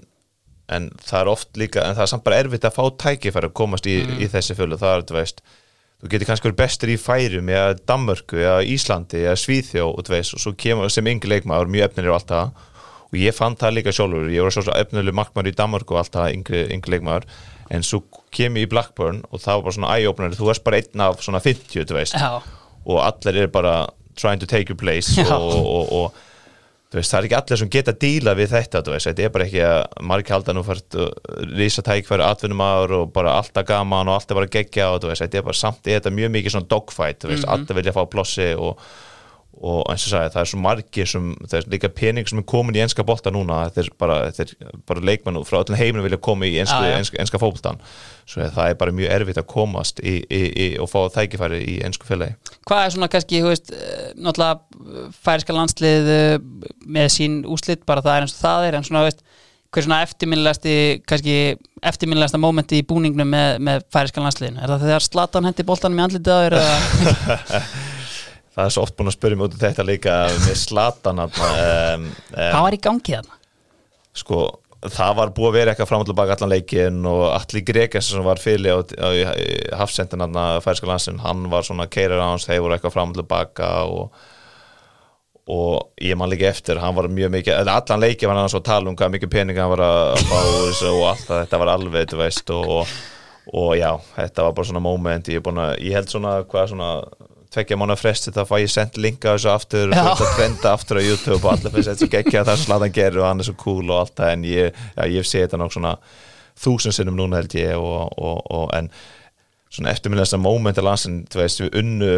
unnu að sjálfsögðu á, á Greiklandi tvisar Já. sem var bara major, fyrst unnu við úti þú veist, það búið að ganga svona ekki, ekki það vel og enginn var með svona væntingar. Fórum svo út og spilum á Greiklandi og Ranieri var þjálfari og unnu bara totally unexpected 1-0 Já, sem var bara, þú veist, þá bara gaf aftur sjálfsreist í bara leikmenn á líka í færiska fólkinu í að, þú veist, ok, þetta lansi geti kannski eitthvað og, og að við svo unnu, en það sem ég finnst líka svo gaman, unnu aftur, þú veist, Já. í færum þú veist, maður getur sagt, they have been worn now þú veist, þegar maður allar ekki tapa tvið saman á færum, það var bara, þetta var lögadagar af full, uh, bara, hvað, 5.000 manns á, á, á leiknum og þetta var, og svo unnu við aftur 2-1 og þetta, það var svona sá leikur var bara þessi dagur þú veist, og svo ég var reyndar að giftast viku setna og svo við vorum með, með poltarapen sama kvöld eftir, eftir uh, greiklandsleikin og þú veist, ég hugsa ofta eftir að við myndum tapa 5-0, þú veist, hvað, hvernig væri það að fara út að ég veist enginn sá þessu sjálfur fyrir leikin en, en, en svo unnu við þennan leik og allir út að jamma og þetta var bara geggjað dagur. Algjörlega. Hvernig er til dæmis, ef ég hérna, nefni eitt leikmann uh, nú er mikið talað um hérna færiska undrið aukarspinnu sérfræðingin uh, Adrian Justinusen uh, veist, hversu langt heldur að sákaði geti náð? hann getur mjög, mjög, náð mjög langt um, það, var, það sem var kannski vandamál fyrir hann fyrsta árin að hann mjög rættu við að, Já, að flughræðslan, já, já. já, já, og hann er búin að fá hjálp fyrir það svo núna er það, þannig sé ekkert mál um, en það er líka spurning hversu langt hann vil fara með þetta, þú veist, það er mjög getur maður sagt, fyrir marga leikmenn, þú veist. Fá ágætislaun, mjög kósi að vera í Já. þú veist, tekja þetta með fjölskyld og vinir og allt það, Það þú er til dæmis alveg svoleiðis að þú veist atvinnumæðurinn að gæsa lappa í færi hann hefur það bara fínt. Já, þú veist, hann hefur það bara fínt Já. og kannski stundum ófínt og ég reyni alltaf að segja við yngri leikmenn, þú veist, ef við fá tækifæri just bara farðu það stað, þú veist. Það versta sem getur gerst, það er bara allt fyrir bara til fjandans Já. og þú fer bara heim aftur þú veist, það er ekki verið en það. Nei. margir svo rætti við að taka skrefi, maður verður stundum bara að fara út í þetta, þú veist. Og það er líka þannig sko, þú veist, ef þú segir félag herri, ég er búin að spila 100 eða 200 leiki bestu færsku deildin, það er ekki en þeir segja wow, þú veist, kom til okkar. Þú verður ofta að fara bara mjög snemma, Já. taka sjensna eins og oft Íslandi gerir oft, þú veist. Ég er ofta að tala við færingum, okkur finnst svo magna í færium þú ert svo sem með þetta frábæra íslenska landslið sem búin að standa þessu ógæslega vel en svo ertu kannski með pluss 50-100 gæjar sem færingar aldrei búin að heyra um sem líka spila erlendis Já, já. mér finnst alveg magna hvað margir íslenska spila bara erlendis og margir fara bara mjög snemma og það bara vilja fara. Við viljum bara fara og þú veist maður þarf kannski að vera 1-2 ári í Svíþjó, næst bestu, bestu Nóri og fá svo tækvar í betri félagann og þetta er, kannski sem, þetta er kannski það sem vantar aðeins í, í færum, í færska boltan að bara fara að stað og taka sjensan hvernig er þetta með, þú veist, hvernig hérna að því að þú veist, við höfum þannig séð ekki átt það marga færiðinga í, í íslensku deildinni. En þú veist, líta færiðingar í rauninni á íslensku deildina bara sem hliðarskref frá sinni deild eða þú veist, veist Nei, sko alls ekki, þú veist, ég held að flesta færingar þeir myndu koma í sem myndu horfa þetta eins og skrifu upp, en Já. það er bara líka það maður líka skilja það að færingar svo tengdi Danmarku Já. margir fara til Danmarku að námi og allt það. Og leiðin sem hann alltaf er búin að hugsa er bara til Danmarku fyrst, fara en ég segi ofta líka við færiska leikmenn að koma í Íslands deildina að, að því að félagin sérstaklega í Nóri og Svíð fylgja skilja vel hvað Algjörlega. gerist í íslensku deildinni veist, að nota kannski Ísland meira sem tækifæri Einmitt. og fá, fá að spila og nota þetta tækifæri til að koma lengra í, eins og til Danmarku eða til Svíðfjóri eða Noregs um, en eins og sagði, það er einhvers vegna mann er svo tengdi Danmarku, svo vanar að hugsa Danmark, Danmark, að mjög margir fara bara til Danmarku og horfa svolítið það sem fyrsta skrefi algjörlega herru, uh, tveir aðrir hérna á miðunni þú má bara ráða á hvorum þú byrjar. Já, ég hef búin að velja nú þarf aðeins að hugsa, ég hef búin að velja Jaja Túri já, einmitt, við getum alveg tekið hann sko. Já, hann Já. var um, hérna, Jaja Túri og bræðin Kólu Túri Já. um, Ós, uh, ólíka típur virðist vera. Eða er það rátt með Já, já, hann Jaja Túri var aðeins svona hvað aðeins svona meira veist svona easy going Já. og allt er bara svona, allt er næs og hafa gaman og tekur ekki kannski hlutna það alvarlega Mhm. Uh, en, en, en Kólu Túru var kannski svona, þú veist, já, já, tala mikið og vinna mikið og meira svona, veist, samt mjög topp gæi, en veist, bara mjög, já, svona ímiska typir og, og en þú veist, mann man tala ennþá um Jæja Tóri í City, hann, hann kannski hann og David Silva voru kannski svona tveir gæðinu sem tóku City í næ- næsta leveli. Um, og, og já, hann var bara þegar hann kom að- á boltan og var komin upp í ferð og var, að- var að koma svo beint á og það var nánast ekki hægt að stoppa hann með þessar langur lappinar og, já, hann bara, já, hann gjörði ótrúlega marga luti, góða luti fyrir City. Þetta er einmitt svo að fyndi að að þegar hann kemur til City þá einhvern veginn veit engin við hverju á að búast einhvern veginn. Það er svona einhvern veginn, þannig er hvað þetta er held ég 2010, þá er Shakin búin að þarna, eiga lið í ár. Og það var svona eins og í rauninni heyrðu, við ætlum bara að kaupa einhvern og gera hann hérna launasta leikmenn heimi, tökum Jaja Túri hérna sem er svona inn og út úr liðinu hjá, hjá Barcelona veist, spilandi hafsend í ústættarleik meistaradeildarinnar. En svona, þú veist síðan kemur hann bara og, og hann er bara algjört skrimsli. Þú veist, bara svona, þú veist sástu bara strax á fyrstu æfingu bara, heyrðu, þú veist, þetta er eitthvað allt annað hérna Já og nei, sko þegar vorum að æfa, hann var ekki að hann var latur en samt var hann eitthvað svona, þú- hann myndi ekki vera gæni þegar um, þú mætti snemma æfingu klukkan 8 hann var ekki fyrsti gæni sem myndi mæta hann á liftingasal eitthvað þannig um, og hann var alltaf illt í lappun og nú þreytur og þú veist, hann er týpa Já, hann var náttúrulega bara eins og hann væri alltaf bara að láta lífið bara inn á vellinu sko. einmitt, einmitt, einmitt. Um, um, en þú veist, samt þegar voru að spila veist, í deildinni. Hann var bara geggjar og já, eins og sagði, hann, ég held að hann var svona, hann var krúsjál fyrir allt það góða sem gerist í City á þessum tíma og taka City á næsta leveli. Og já, hann, hann og David Silva eins og sagði. Kemur einmitt inn á þetta sko, hann hafi verið easy going og svona, hérna, chillaða náungi en þú veist, kom það á óvart kannski einmitt þegar ferillin er að ljúka hjá sitt í að, veist, að komið eitthvað allt í bál og brand einhvern veginn og hann er að byggja þetta um einhverjar ammæliskökur og hérna, veist, einhvern veginn, veist, þá var þetta að fara að lúka eins og hann væri bara mjög stektur bara einhvern veginn og bara erfiður einhvern veginn hann inn í klefanum. Já, þú veist, hann er líka kannski gæi sem þess að hann ekki spilar þá byrja hann kannski ekki að segja svona drifta en þú veist, aðeins svona meira hausum fyrir kannski aðeins meira. Já, og hann spila örgulega ekki eins mikið undir Guardiola og Nei, maður hugsa að þetta er svolítið að vera búið núna og allt það og, og, og, og en þú veist, það er líka erfitt að segja um gæja sem búin að taka City á þetta næsta level og var svona frábær hann var örgulega bara besti leikmann í deildinu það var klárlega. besta Já, svo það er svona erfitt að segja en þú veist, þetta eins og gerir stundum bara þetta fer svona fizzles out þarna í lokin og hann var kannski, Guardiola var ekki hann var kannski ekki svona alveg possession típa svo Guardiola er að leita eftir Mhm. í miðjumanni en já, þú veist, samt geggjör algjörlega og við erum búin að ræða hinn mannin á miðinni David Silva hvað er Já. þetta að segja eiginlega? Já, hvað er þetta að segja, þú veist, hann svo hann er svona, þú veist, hann þarf ekki að tala mikið hann þarf ekki að takla mikið, hann þarf ekki að öskra mikið, hann er bara classy Já. bara classy as hell og, og, og geggjari fótbolta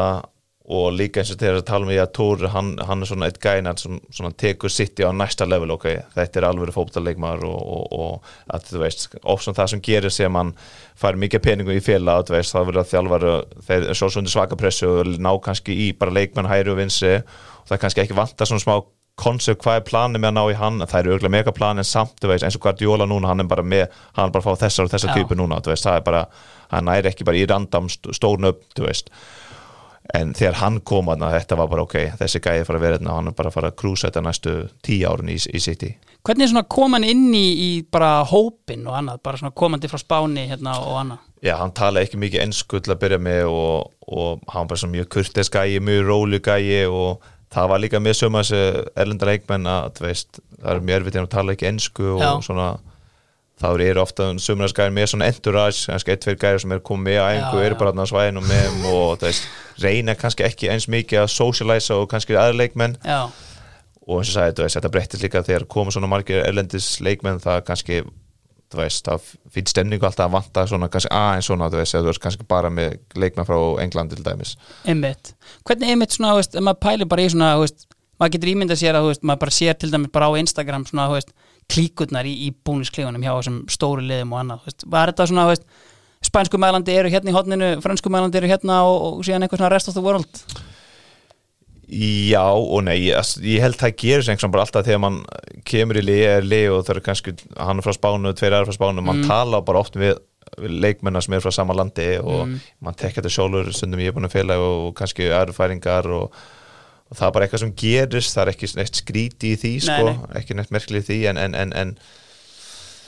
hver var svona þín, hver var svona þín klíka þarna í Master City? við, við markmennu vorum að halda mikið saman þú veist, við erum svo sem æfum alltaf saman á hverjum degi um alltaf fyrst í svona hálftími 45 klukkstund fyrir bara við æfum bara saman við setjum allir næst aðna í klefan aðna við liðin okkur Joe Hart og ég og hver var Stuart Taylor Given var aðna, Pantillum var aðna um, um, um, svo við vorum svona mjög mikið að halda saman í svona já, líka utan boltan segja já kannski ekki eins mikið og, og, og, og kannski vorum saman á, æfingasvænun en samt jú við vorum alveg hitta stundum fyrir utan líka. Algjörlega, hvernig til dæmis að við förum bara út í þú ert þarna í kringum liðið í kringum, byggamestaratitilinn og, og, og deltamestaratitilinn og annað en þú veist, ertu til dæmis, ég var eitthvað að reyna að finna, veist, ertu í fagnaðalátunum inn á vellinum í öðrum hvorum þessum titli eða, varstu bara upp í stúku Ég var upp í stúku þá, já, Já. Og, og, og fyrir reynda niður í klefa og allt það en Já. fór reynda aldrei inn á völlin ég fór svona eftir leikin þegar allt var svolítið búið fór niður í, í, í, í það er líka svolítið, ég er svolítið týpa sko, ég þú veist, þetta var ekki mín titl Nei, þannig skil veist, já, en, en, en, en, en samt maður var hluta að liðnum skilu en veist, ég var kannski aðeins að meira halda, veist, mjög skítið fyrir ég myndi að laupa hann út um með byggan menn hafa, nú, menn hafa nú alveg tekið það eins og Já, bara já. David May og, og Siggy það einmitt, en sko, þú veist, hérna, en eins og til dæmis bara, veist, bara fyrir Manchester City sem klúb bara, veist, þessi tveir titlar gjörsanlega hjút, jú, maður getur sagt allt um fyllt af peningum og, og allt svoleiðis, en til dæmis þú veist, bara hversu stórt, þú veist, fannstu það bara í, bara til dæmis í borginni bara í svona, þú veist, hvað það, þú veist, að því pappi minni til dæmis Master City maður og þú veist, bara, þú veist, ég er ennþá bara, hérna, að rifja upp sko tárið sem ég sá hérna hjá honum þegar englandsmyndstartillin kom sko, upplifur þetta stert? Já, já, af því að City var líka svolítið þannig félag bara, þetta er noisy neighbors og nætum alltaf að segja og þessi, þú veist jú, þeir spilu svona þeir svona lived for the Derby days og spilum á United en annars gerir það ekki neitt svona spes þú veist, og United var, því svo voru að taka City alveg en samt var, City var ekki lið sem var, og í, í borginu, United var ekki að horfa City eins og lið sem myndi fara að gera eitthvað við þá. Og þegar, og þegar City vinnir fyrsta titlin að fá peningi fyrir það þýr ekki maður að fara að vinna strax en þegar að fá fyrsta þá bara breyta öllu og félagi og stundum að fá þessu og já, þetta er svona núni þetta, þú veist, man, sjálfsög United er gríðilega stórt félag og City er örgulega ekki með eins marga svona fans í heimnum og allt það en samt, þú veist, maður veit núna á fótboltavöllum þá er City örgulega betur liðin United í dag Já, því miður. Sko, ef við förum hérna úti, hérna, við erum að tala um töframannin David Silva og ég er hérna með nokkra töframenn kannski til að hérna, ræða við. Sko, myndir nefndir á hann David Bentley, uh, skröðlegu náungi. Já, hann var uh, svolítið speskægi uh, en, en þú veist, hann fekk líka svona líka svaka breakthrough hérna hjá Blackburn Já. og það var oft, ég man líka eftir þessu það var svolítið tal um hann í, í Englandi að hann væri svona næstu David Beckham Já, já. svipa, svipa typur og þessi hærilappi og aukarspötnur og Og allt hann þetta. kannski held það helst sjálfur að hann væri næsti David Beckham. Já, hann, hann gerði það en, en, en já, hann fór svo í Tottenham ég held að hann enda, hann byrjaði svolítið að kantunum fyrst og endaði svolítið svona, svona holding midfielder og eitthvað Já. miðinni og það var líka hélst það myndi ná miklu lengur en hann náði það, því hann, hann er frábær þarna í, í Blackburn. Já, jú, maður var auðvitað búast við því en, en veist, þetta sýnir bara það, það er líka mikilvægt að vera í rétta félag á réttu tíma með réttum þjálfara og Mm. hann kom í, í Tottenham og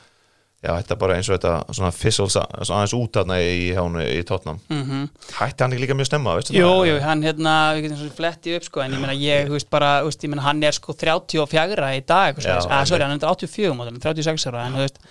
jú, einmitt, hann hætti bara hérna 2013 eftir sko misefnar lán í, í FC Rostov, sko, þannig að það er nú bara ekki, ekki merkilega en það. En sko, eitt sem ég velti fyrir mig til dæmis, þegar þú kemur hérna inn, þá er Shakin búin að kaupa lið, en þú veist, hafði vissulega bara keifta hérna á deadline day, rétt næra að rífa Robinho inn, janúar glukkin, jú, þú veist, Gunnar Nílsen kemur og, og fleiri koma þarna, en þú ert með þarna leikmannahóp sem er, þú veist,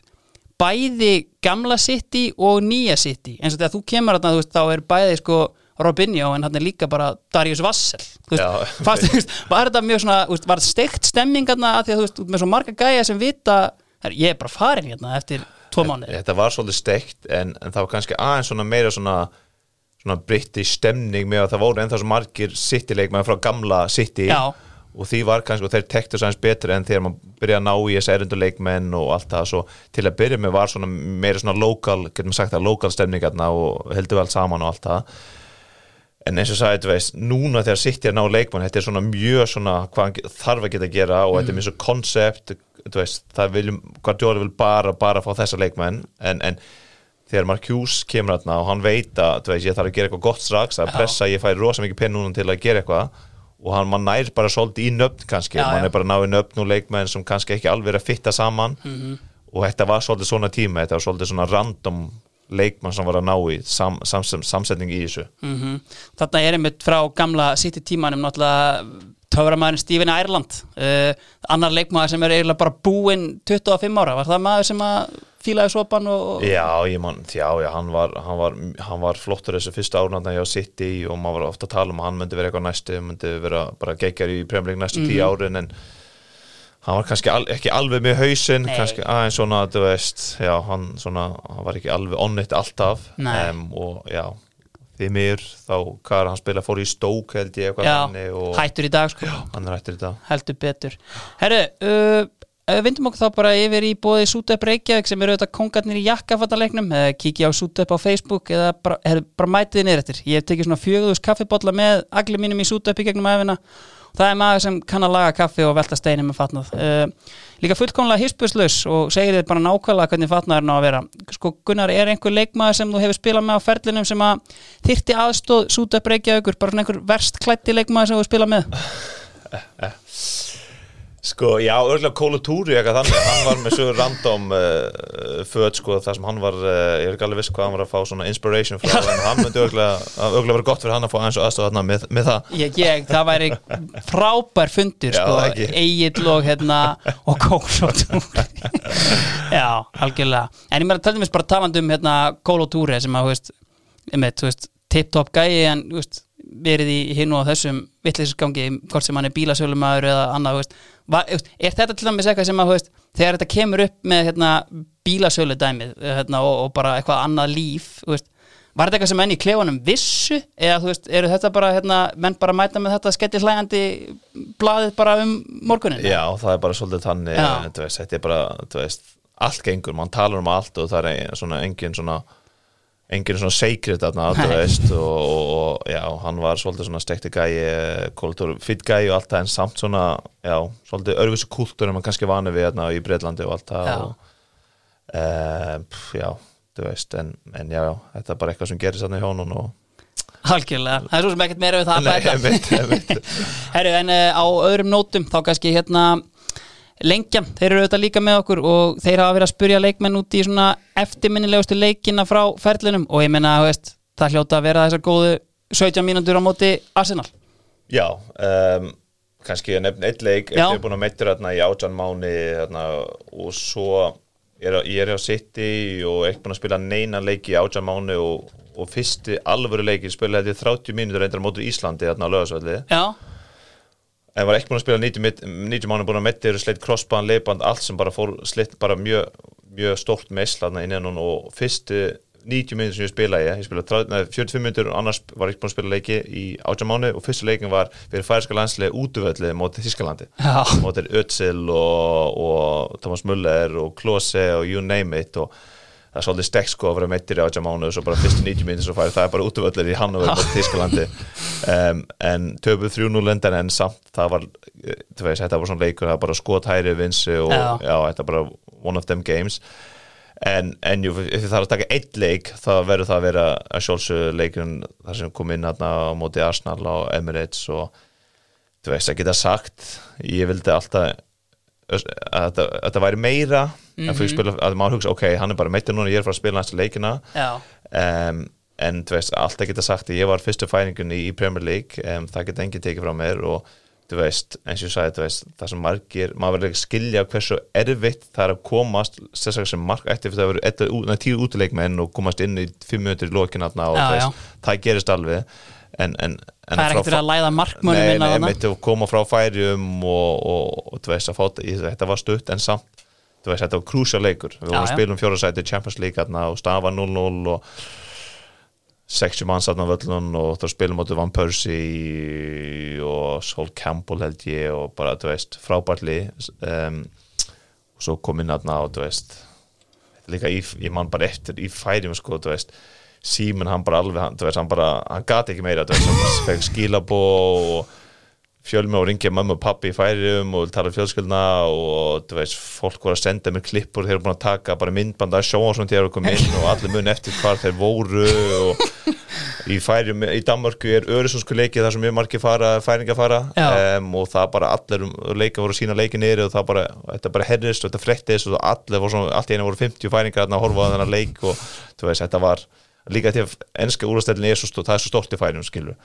svo þetta var, já, bara já,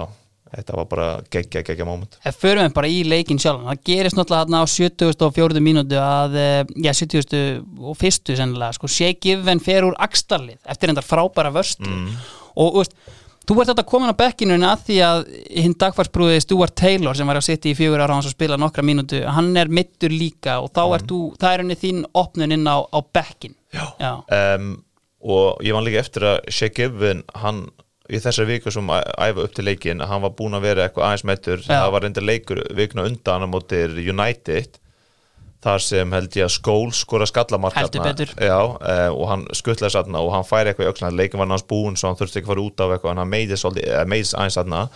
svo hann var ekki búin að æfa þessa viku sem Mm. hann var, hann var en samt maður rekna alltaf með að myndi spila en samt var hann svona aðeins í hausnum Það varst smá einmitt svona með þetta um kannski, veist, Já, það gæti maður- eitthvað gest Já, en maður rekna aldrei mig en, en, Nei. en, en, en, en maður var samt svona aðeins búin að undirbúa sig og, og fyrir leikin og allt það svo, þú veist, sjálfsög, þú veist þegar ég kom inn að það, ég var ekki að rekna með þessu þetta var bara, það gerist bara svona, mjög rætt en ég var samt aðeins búin undirbúa mig, und- undirbúa mig að því að hann var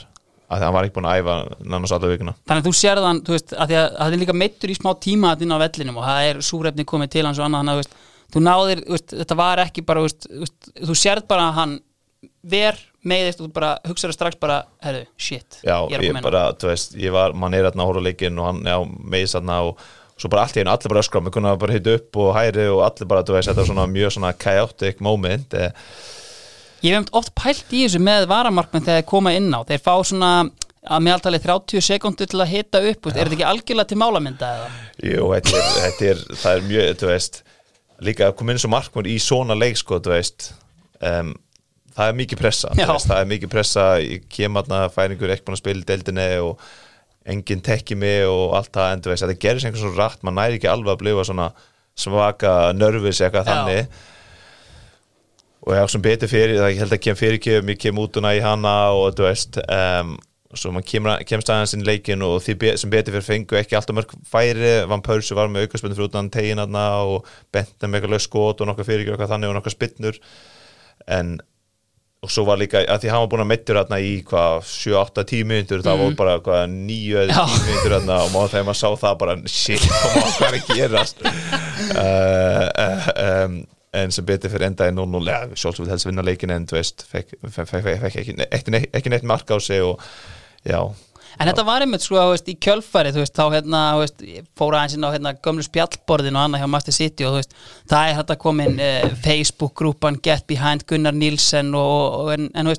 kaldar kveðir þegar Martin Fúlop er, er sóttur hérna á neyðarláni, var þetta sárt eða þú veist, var að tala við þig eitthvað um þetta? Já, líka að því að ég man eftir leikin líka þegar kom inn aðna mótur Arsenal að þú veist, fjölumöld allir sjálfsög margir mjög margir vil tala við mig, heyri í mér og allt það um, og þá að því að næstu leiku var held ég Aston Villa Mm. held ég á, á, hérna, á, Etihad og það var spurt út í hvernig verður að spila aftur á móti Brad Friedels og þá, þá kom Aston Villa Já, sem já, var, já. þú veist sem ég var svolítið undir í, í, í, Blackburn Mhm. þú veist, það var svolítið byggt upp að ég myndi fara að spila og allt það en svo held ég að leikin var sunnudag eitthvað þannig að lögða sunnudag og svo bara þriðudag eitthvað þannig byrja mann að heyra eitthvað aðeins um að þeir sitti kannski að vera ná í, mark, í, í markmann og, og svo held ég að þetta gerist bara mjög eitthvað þannig ok, það viss maður ok, ég er ekki að fara að spila. Já. þegar maður búin að búa sveit í færingan veist, allir færingan búin að tala um ok, Gunnar fara að spila næsta leik og allt það en, Mm. en, en, en svo gerist það ekki. Nei, nákvæmlega, það er bara eins og það er.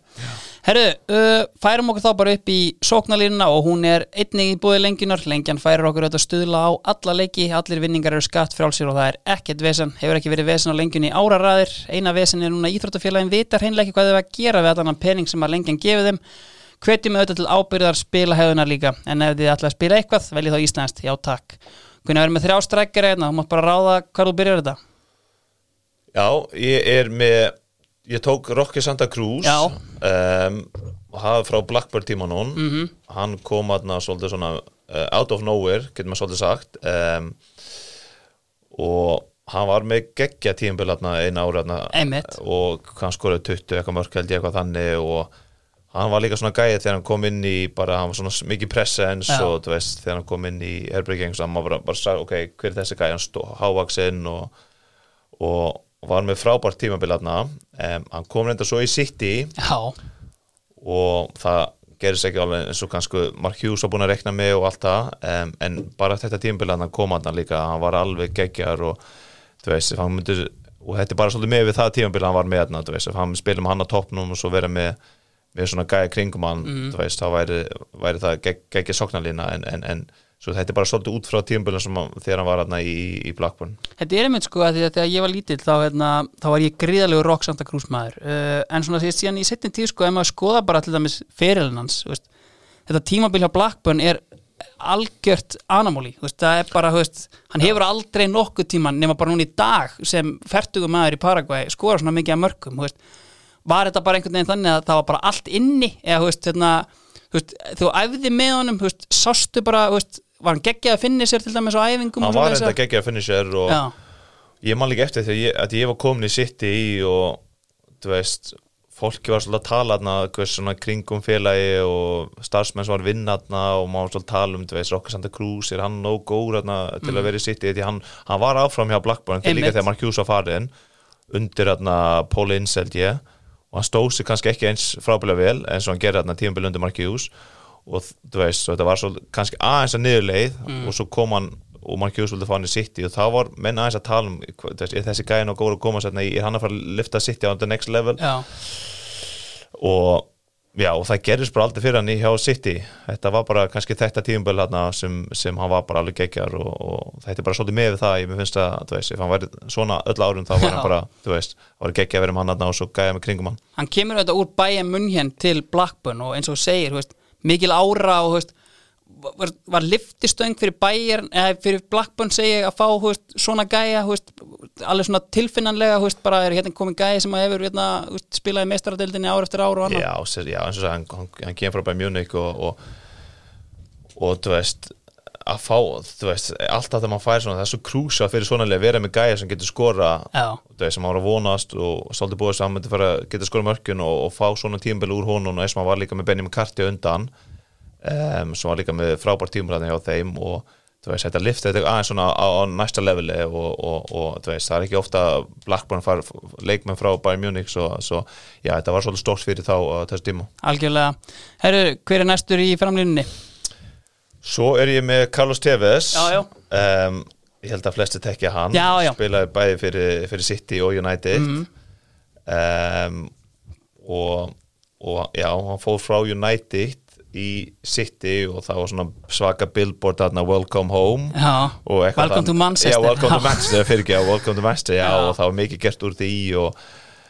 og veist, hann, hann svona, tók svona the forbidden move Mm. að fara millir félag þarna og já, hann var svona gæi sem talaði nánast alls ekki ensku nei, nei, búin að vera þarna ekki nema þrjú ár já, og líka svona gæi sem var með svona entourage, hann var með nokkra með sér alltaf vinnir sem voru bara frá frá uh, Suður-Ameriku og bara búið heim hjá hún og var alltaf með á engu og já, svo hann sagði ekki mikið klefa þannig sé, en þú veist hann, þegar hann var upp á sér besta hann var frábær leikmaður og kannski, það er skrítið að segja það hann var, hann var, hann var kannski allt, hann var kannski aðeins og duglega til að laupa og elda og setja pressu og þegar hann fekk svona mómenti til að klára færin þá, þú veist, hann búin að laupa það mikið. Að, um, svona unselfish player að þá var hann kannski ekki með stundum vantaði smá coolness en samt, þú veist, þegar hann var upp á sér besta Carlos Tevez, þú veist, hann kom aðna hann og Mascherano kom aðna í Vestam og þú veist, hann var búin að heyra hans um hann og svo kemur hann aðna United og, og svo fyrir svo áfram í City og þú veist, hann var það líka þegar hann var upp á sér besta, var hann geggja leikmaður. Segir einmitt bara að hann hafi kannski haldið mikið út af fyrir sig en þú veist, ég meina á tímabili er hann í rauninni líka fyrirlið Master City, hérna, veist, hann er með bandi hann í einhverjum leikjum þegar kompani er ekki með og annað en veist, það var þá bara bara út af bara star presence eða eitthvað svoleiðis já, já, já. og það sem er, maður heldur ekki að gleyma að veist, fyrir félög sem er að reyna að fara næst, næsta leveli að sjálfsög þarf það að vera með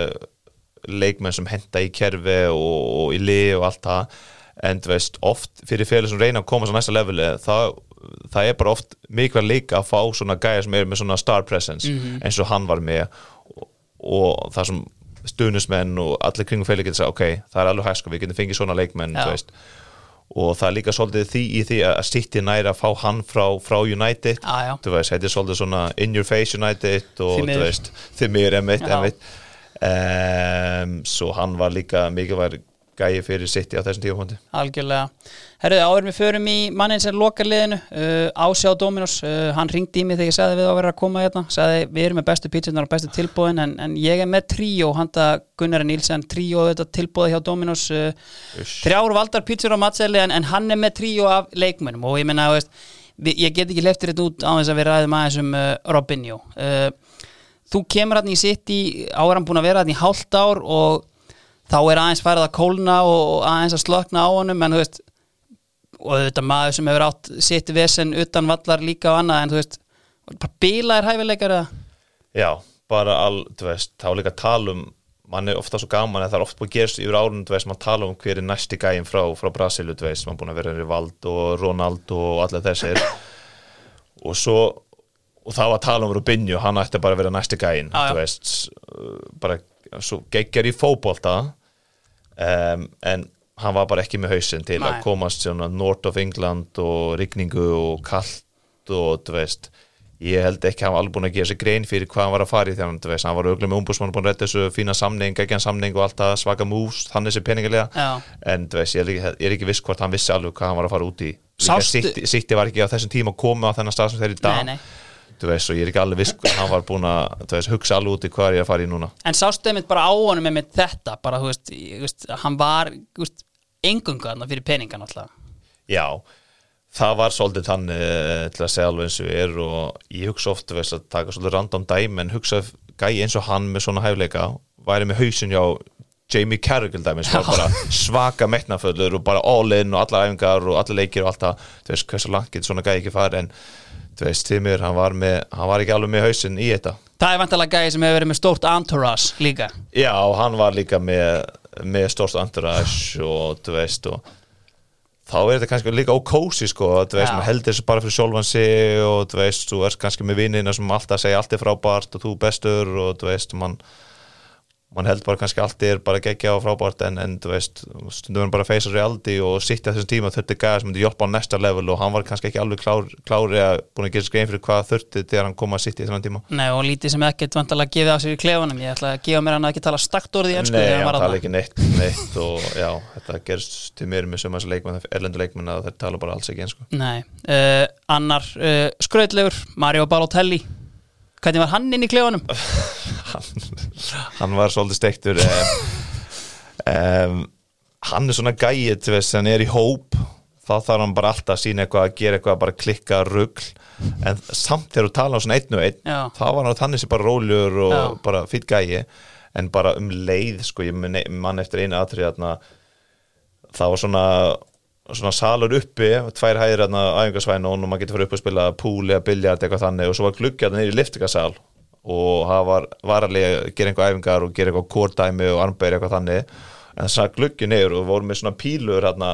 uppi á efstasali hérna og hann stendur svo í gluggana, er niður í gluggan og við erum hérna varalegi að gera eitthvað kór armbæri whatever. Og svo allt í einu byrja hann bara að kasta svona, hvað heitir það, pílur svona Bara darts? Já, darts bara niður og þetta, þetta lendir bara svona random bara kringum sem betur verið hittar en engan leikmenn en þú veist, þegar einhver gerir eitthvað svona þá hugsa bara, það er eitthvað að sko, þú veist, hann er ekki alveg þú veist, all there sko. Nei, en þú veist, hann var líka efnilegur en líka dæmi um gæi kannski þú veist, ef maður væri með svona talent, þú veist, hann var líka með hausun hversu langt getur hann ekki farið með þetta en, en þú veist, það vantar kannski aðeins þarna. En þú er samt, þegar, ég segi svona ég er samt að tala um gæi sem búin að spila í. Liverpool City og, og allt það og líka með Rubinju, hann getur að fara tekið þetta miklu lengra að fara með svona rekta hausun á sér en, en, en er samt gæi sem búin að vera með þannig sér flott fyrir, Já, já. sko, en maður kannski að rekna með meira Einmitt. Hvernig var til dæmis bara svona, veist, maður heyrði mikið um bara, veist, samband einhvern veginn Mario Balotelli og, og Mancini, veist, var þetta alltaf bara, hérna, að því hann einhvern veginn, Mancini kemur til, hérna, City frá Inter, tekur síðan Balotelli með sér uh, og, maður fyrst svona uppliði bara svona algjört svona father figure dæmi, en, þú veist, síðan einhvern veginn súrnar fljótt einhvern veginn í, ekki fljótt, en svona með tímanum bara, þú veist, var hann alltaf einhvern veginn að reyna að passa hann, eða, þú veist, var hann bara einn af leikmönnum? hann var kannski, hann var svolítið að reyna að passa um að því að þetta var svolítið projekti hjá Mancini Já. að fá Balotelli um, um, og hvort hann var svektur en þú veist, hann var svolítið svona disappointed, let down getur maður sagt, veist, að hann næri af, að hann færi hann í, í City. En, en Balotelli var kannski, ald, jú, hann var það var svona moment þarna, 100% voru moment. Um, en hann var kannski aldrei svona all in sko, þú veist. En mann sá, man sá líka æfingustundum veist, það var eins og það fór alveg að rífast þarna æfingu og mann síni tekur bara í Balotelli og þú veist, það þú menn að koma með að skilja og allt það, og mann síni var all in að fá Balotelli að, að, að, veist, að standa þessi fyrir sitt en eins og aftur ég er ekki viss hvort Balotelli var all in í, í, í það sko, með við hvað þurfti veist, með hausum bara það snýst bara um fótbolta, það var svo mikið annað sem var að flugöldar og einmitt. Einmitt. en þú veist, hvernig til dæmis hérna, tókst einhvern tíma að víta æfingar með honum með það rosalega já, vítaskipta Já, já, hann, hann, hann, ég líka mann eftir hann með rosalega fast skot sko, veist, það var ofta skota einhver eftiræðingu og hann vildi ofta skjóta eitthvað eins auka og hann var, það er eina svona ég mann eftir með, hann var með rosalega fast skot sko. Um, að því hann var ekki, hann var svona svo hár hann er ekki svona mossli gæði þannig sé en svona, þú veist, big build en samt bara, já, svaka, mjög fast skot. Algjörlega, og sem þetta að loka tríónu uh, aðeins fyrir samfélagið sko,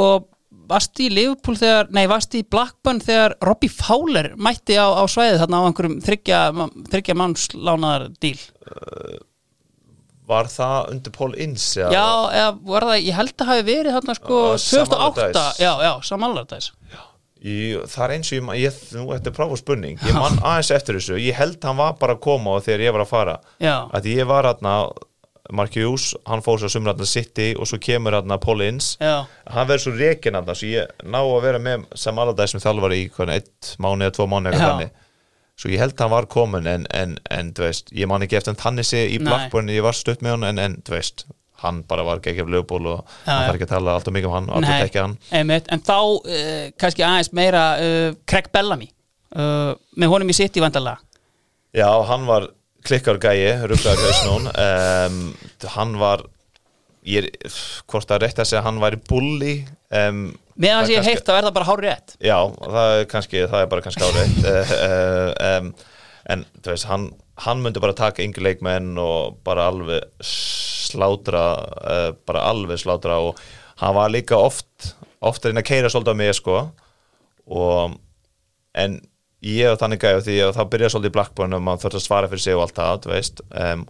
og ég byrjaði bara alltaf að svara tilbaka skilu og, og, og ég held og, og hann svona eins og svona respected that og, líka típan sem ég var ég, veist, ég mér finnst alltaf gæma æfa fullu, ég var alltaf æfingu og allt það og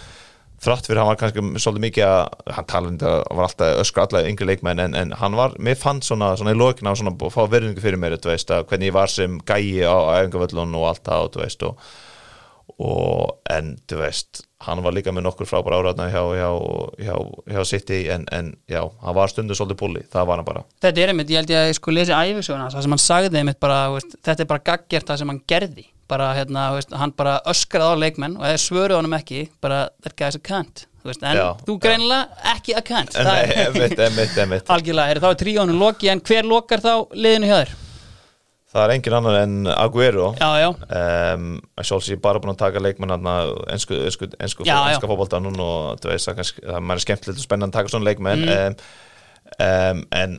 Aguero, þú veist, hann er kannski ef, ef ekki besti en eitt besti leikmann hann og Silva fyrir sitt í ever Mm. sko og þú veist þessi mörg sem hann er búin að skora og svona longevity hérna í, í sóknarlinni hjá, hjá City og veist þetta er líka gæi sem bara liftir allt á, á næsta leveli. Þetta er einmitt svona, veist, þið fyndin típa því að sko, veist, Frank Lampard sagði einhvern tímann sko að ef þú myndir horfa á hann í klefa eftir leik þá veist ekki hvort hann skoraði þrennu í 4-0 Nei, sigri einmitt. eða liðið hefði tapað 5-0 bara svona einhvern veginn alveg sama og bara einn í dag bara einhver svona í milli, milli fótboltaðinga er hann bara á Twitch að spila tölvuleiki og bara svona, þú veist, virðist ekkert hafa fyrir því sem hann er að gera, er samt alltaf up to it einhvern já, já, emmitt en, en ég held ekki, hann var svolítið svona introvert, veist, hann var ekki svona social typa, myndi tala átt, en það er svolítið hann tala en nánast enga einsku þegar ég allan þegar ég var þarna. Og hann var líka með svona entourage og tala kannski me meira með þá og, og, og já, hann var bara mjög introvert typa sko. Um, um, en, þú veist þetta er svaka, svaka flott fyrir hann búin að vera með að sitja, þetta er bara geggja leikmar heldur betur. Ef við förum bara aðeins út í sko viðskilnaðin hjá þér við Manchester City. Þú hættir uh, ekki endur nýja samningurinn eftir 2012 síðan er henni kemur bara út án liðis, ertu þá meittur ennþá eða? Sko það sem gerist, gerist fyrst tveggjara sánum við City, já, já þeir eru komaðna um, svo meiti sér sjálfsög um, það er svona moment sem veist, fyllir svaka mikið í tíma hjá City og meittir í átjá mánuði Já. og samning var endara að klárast eftir svona, þeir eru búin að meittir eitt ár en var ennþá meittur og, og meittur svona sex mánuði viðbót en þeir framlendu samningin Mm. til að hjálpa mér að komast að stað aftur Mm um, um, um, en þú veist, ég var að koma tilbaka og, og, og frá mesli og ég var ekki búin að spila eins þar í sjálfsögðu því ég er búin að meittur og, þetta var líka svona mess sem hann sagði bara við mig læknina, þú veist, ég, hef aldrei séð svona í fótboltamess, sko, ég hef séð svona car crash injuries. Já. en, og hann sagði, þú veist, ég, ég vona að þú getur spila aftur en ég get alls ekki sagt að þú veist að hundur sem fór að spila aftur, örgulega hjálpa mér aðeins að ég er markmaður, ég þarf ekki að laupa eins mikið og allt það. En ég var ekki búin að spila neitt og þú veist, það kom svona kannski svona empty space hann að milli eftir því að hætti að sitt bara, bara samning kláraðast og búin að meittur og og fyrir svo heim til færi, ég er bara í færium ég fór á reynslu á Celtic um, og enda svo í á, á Silkeborg Já, þar sem Lasse Heinze sem var markmann þar, þeir voru í fallbáratu voru í næsta sæti og veist, það var svolítið ekki mission impossible en það, það var alltaf mjög erfitt að bjarga sér þarna og ég hef ekki búin að spila í nánast tvö ár fótbolta Já. og fór bara, veist, þetta bara mikið, veist, þetta var svona allir leikir bara crucial, þú veist, fallbáratu en þeir þurftu markmann og þú veist, maður kannski, ef maður, væri svona aðeins að, maður var kannski ideal þá spila leiki á maður fyrir svona pressu, þú veist, en þetta var bara tækifæri sem var þá og ég vildi spila fótbolta og fór í þetta og já, og var, þetta var bara í 7-8 eitthvað leikir. En, en eftir það sumur þá fór ég svo í Motherwell einmitt. Veist, hvernig var bara svona, veist, búin að vera þarna hjá Blackburn og, og Master City í, í 5-6 ár, veist er erfitt svona að veist, innan gæslega mótivera sig bara svona í, veist, að fara aftur svona í rauninni tilbaka, svona, veist, að taka svona stórt skref í rauninni tilbaka? Eh, nei, ekki þannig þú veist. Að ég var bara takkláttur fyrir að fá tækifæri líka eftir búin að meittur svona lengi. Um, þar sem, þú veist, fær bara að vita þú veist, þú veist bara mjög heppin þannig séð þú spila fókbalt aftur. Um, að fá tækifæri að spila sjálfsög í bestu deildin í Danmarku um, og svo líka eftir það að fá tækifæri í Motovel þú veist, þetta er sjálfsög maður ekki halda kannski að skotska deildin er kannski ekki besta deildin heimi, hún er heldur ekki besta deildin heimi en samt, þú veist, þetta er, þetta er samt margir flottu klúpar algjörlega. Og, og, og, og svo nei veist, eftir, það er aldrei búin að vera þannig eftir er búin að vera í Blackburn eða City. Þú veist, æfa öllum æfa öllum skæna, það er búin að vanta motivation, þú veist, ég er yfirleitt alltaf motiverður í bara að æfa og spila leiki og allt það það er aldrei búin að vanta. Hvað svona keirir þið áfram, þú veist, að því að þú veist, maður sem er búin að fara á toppin veist, þetta ungur í rauninni, að þú veist, ég menna þegar þú kemur til Íslands, þú veist, 28, 29, þú veist, mm. hvað svona, veist, er það bara, veist er gleðin í fókbólta eða er það bara, ég er komin hinga núna hvað svona keirir áfram svona, eins og þegar þú kemur til stjórnunar hérna 2015, hafður ennþá drauma um að fara aftur kannski lengra? Já já og nei um, um, það snýst bara svolítið mér um á komlan en spilaði var tvö ári í Motovel fyrsta ári spilaði svona allt í allt svona 20-20 eitthvað leikir endur öru sæti Uh, í, eftir Celtic, Celtic Rangers voru þá í fjóruðdeldinni eitthvað þannig þrjöða fjóruðdeldinni um, og svo kom setna ári kom nýð þjálfur og alltaf var ekki að spila. Og þá kom bara í mig þú veist, maður getur hugsað svolítið random að fara frá, frá City, Motovel og alltaf og svo í, í, til Íslands Já. en þetta var bara tækifæri sem gerist og ég fekk og ég vildi bara spila fókbalta og kannski var maður svolítið að hugsa að fara til Íslands og spila og svo fara út aftur og ég er búin að vera með tækifæri líka til að komast til ekki aftur kannski þannig í, í, í eitthvað svaka ensfélag en búin að vera með alveg búin að bjóða samning frá félagin í Skandinavíu mm -hmm. en þá er einhvers vegna þegar ég kom til Íslands þá bara svona, þú veist, ég er ekki að segja komin heim en, en, en, en þú veist, ég hef búin að vera, búin að flytja svo mikið með fjölsköldum, búin að vera í Danmörku búin að vera í Manchester og, og Motherwell og maður vildi bara fá svolítið stöðleika, þú mhm. veist. Mm -hmm ég hef komið á þá tíma ég netti ekki bara að fara fyrir að fara veist, þegar maður er kannski 18, 19, 20 ára og þá fyrir maður bara stað og tækifæri og allt það. En ég var bara komin á annan stað þá í, í, bara í lífinu og, og vildi bara ekki fara í, í hvað sem er. Mm -hmm. og já nú er ég hérna hvað komin að byrjun 2015 er ennþá hérna í Íslandi svo já svona gerir slutinu bara stundum. Algjörlega, hvernig ef við bara svona, við förum bara aðeins hérna í restina, ef við bara tíman á Íslandi þú veist, uh, fyrsta ári hjá stjörninni frábært, fer síðan til FH uh, búin að vera þar síðan Íslandsmeistaratitill og, og Anna.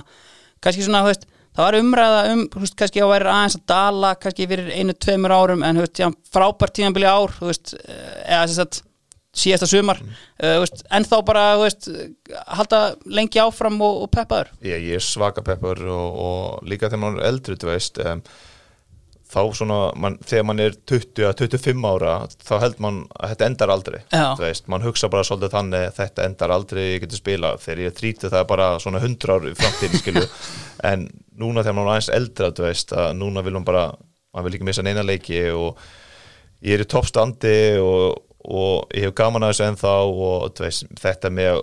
hvort ég var aðeins að fara, veist, þetta er svo að vera markverð er svo bara svart og hvitt.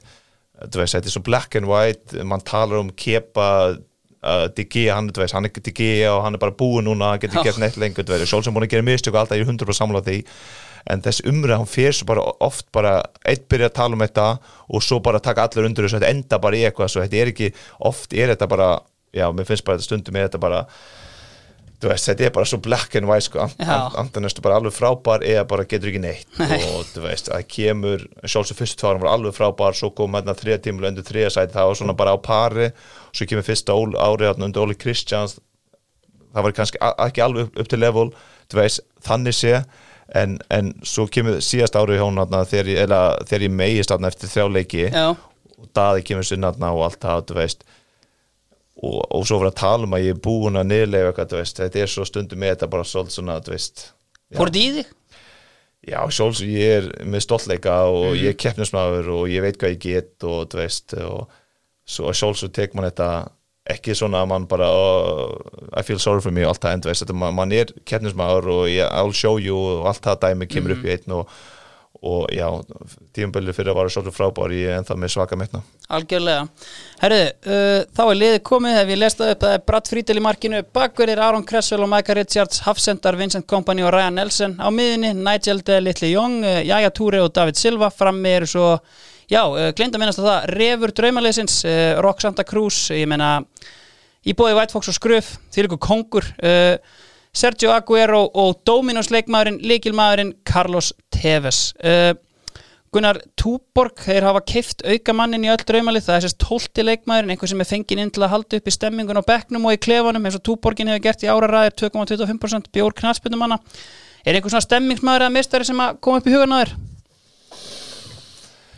Já, sko, það búin margir geggja leikmenn og, og skemmtilega typur þarna karakterar sem, sem er búin að spila með ekki bara í, í, í, í City, í Blackburn og líka Motto og allt það en veist, til að halda þetta svolítið lokal á Ísland, þá myndi ég bara taka Guðmann sko, Já. hann er bara já, störtlega gæi og klikkar gæi og frábær hafsend og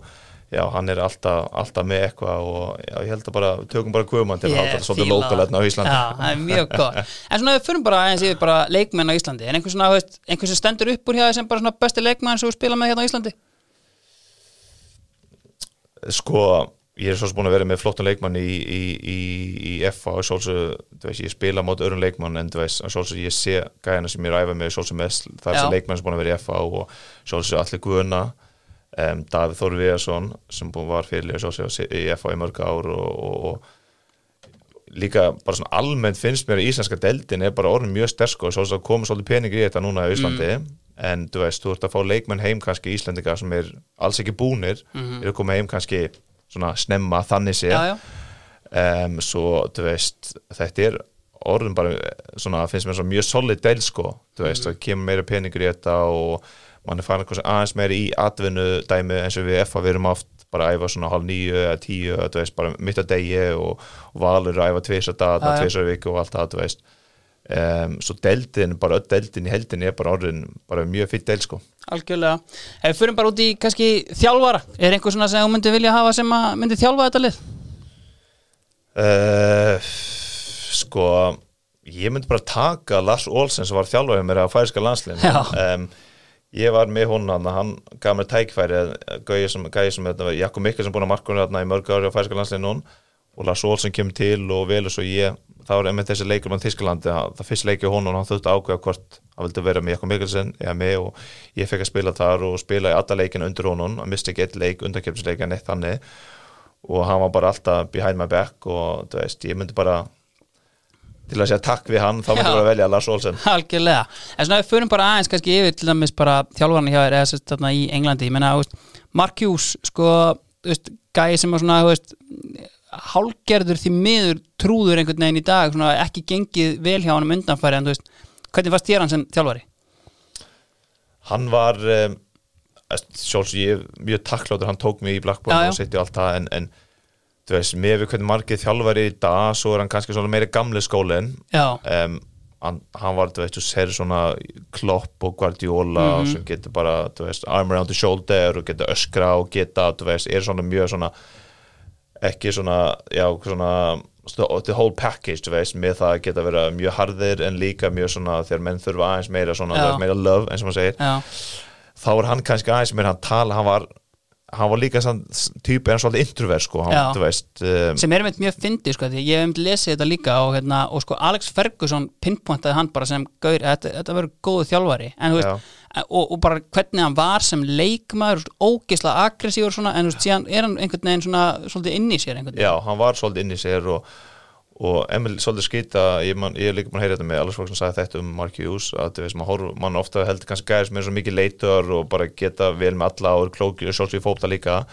Uh, en, en, en já, hann var líka með frábært heimi kringum sig um, og stóð sér rosa vel að hjá Blackburn þetta tímbilarna og færi tækfæri sitt og allt það og svo er hann búin að vera svolítið kringum við nokkuð félagum og allt það en var alveg heimin og haf til dæmis þegar þú veist, Mancini kemur inn, þú veist, hvernig, hvernig típa var hann eiginlega það var allt öðruvis, hann er meira svona þú veist, hvað sem Italian type þú veist, um, þú veist mjög intense taktik þú veist, vil, fyrir mjög svona langt með takt, svona taktiska dítaljur og allt það. Og það sem að kjúsa meira svona æfastift tempo og æfingar svona meira svona British style þá var þetta allt annað að fá, fá, fá, að fá Mancini inn í, í, í sem þjálfura Algjörlega, herðu Gunnar ég held hreinlega að við séum bara að vera tæmdir hérna. Uh, hérna kemur undir eitthvað allt annað lag en ég ætla að spila en það er nú bara eins og það er. Herðu, ég ætla bara að þakka þér kellega fyrir komuna í draumalið. Bara takk svo leiðis og takk fyrir álega algjörlega, herðu, þið voru að hlusta á draumalið í bóði lengjunar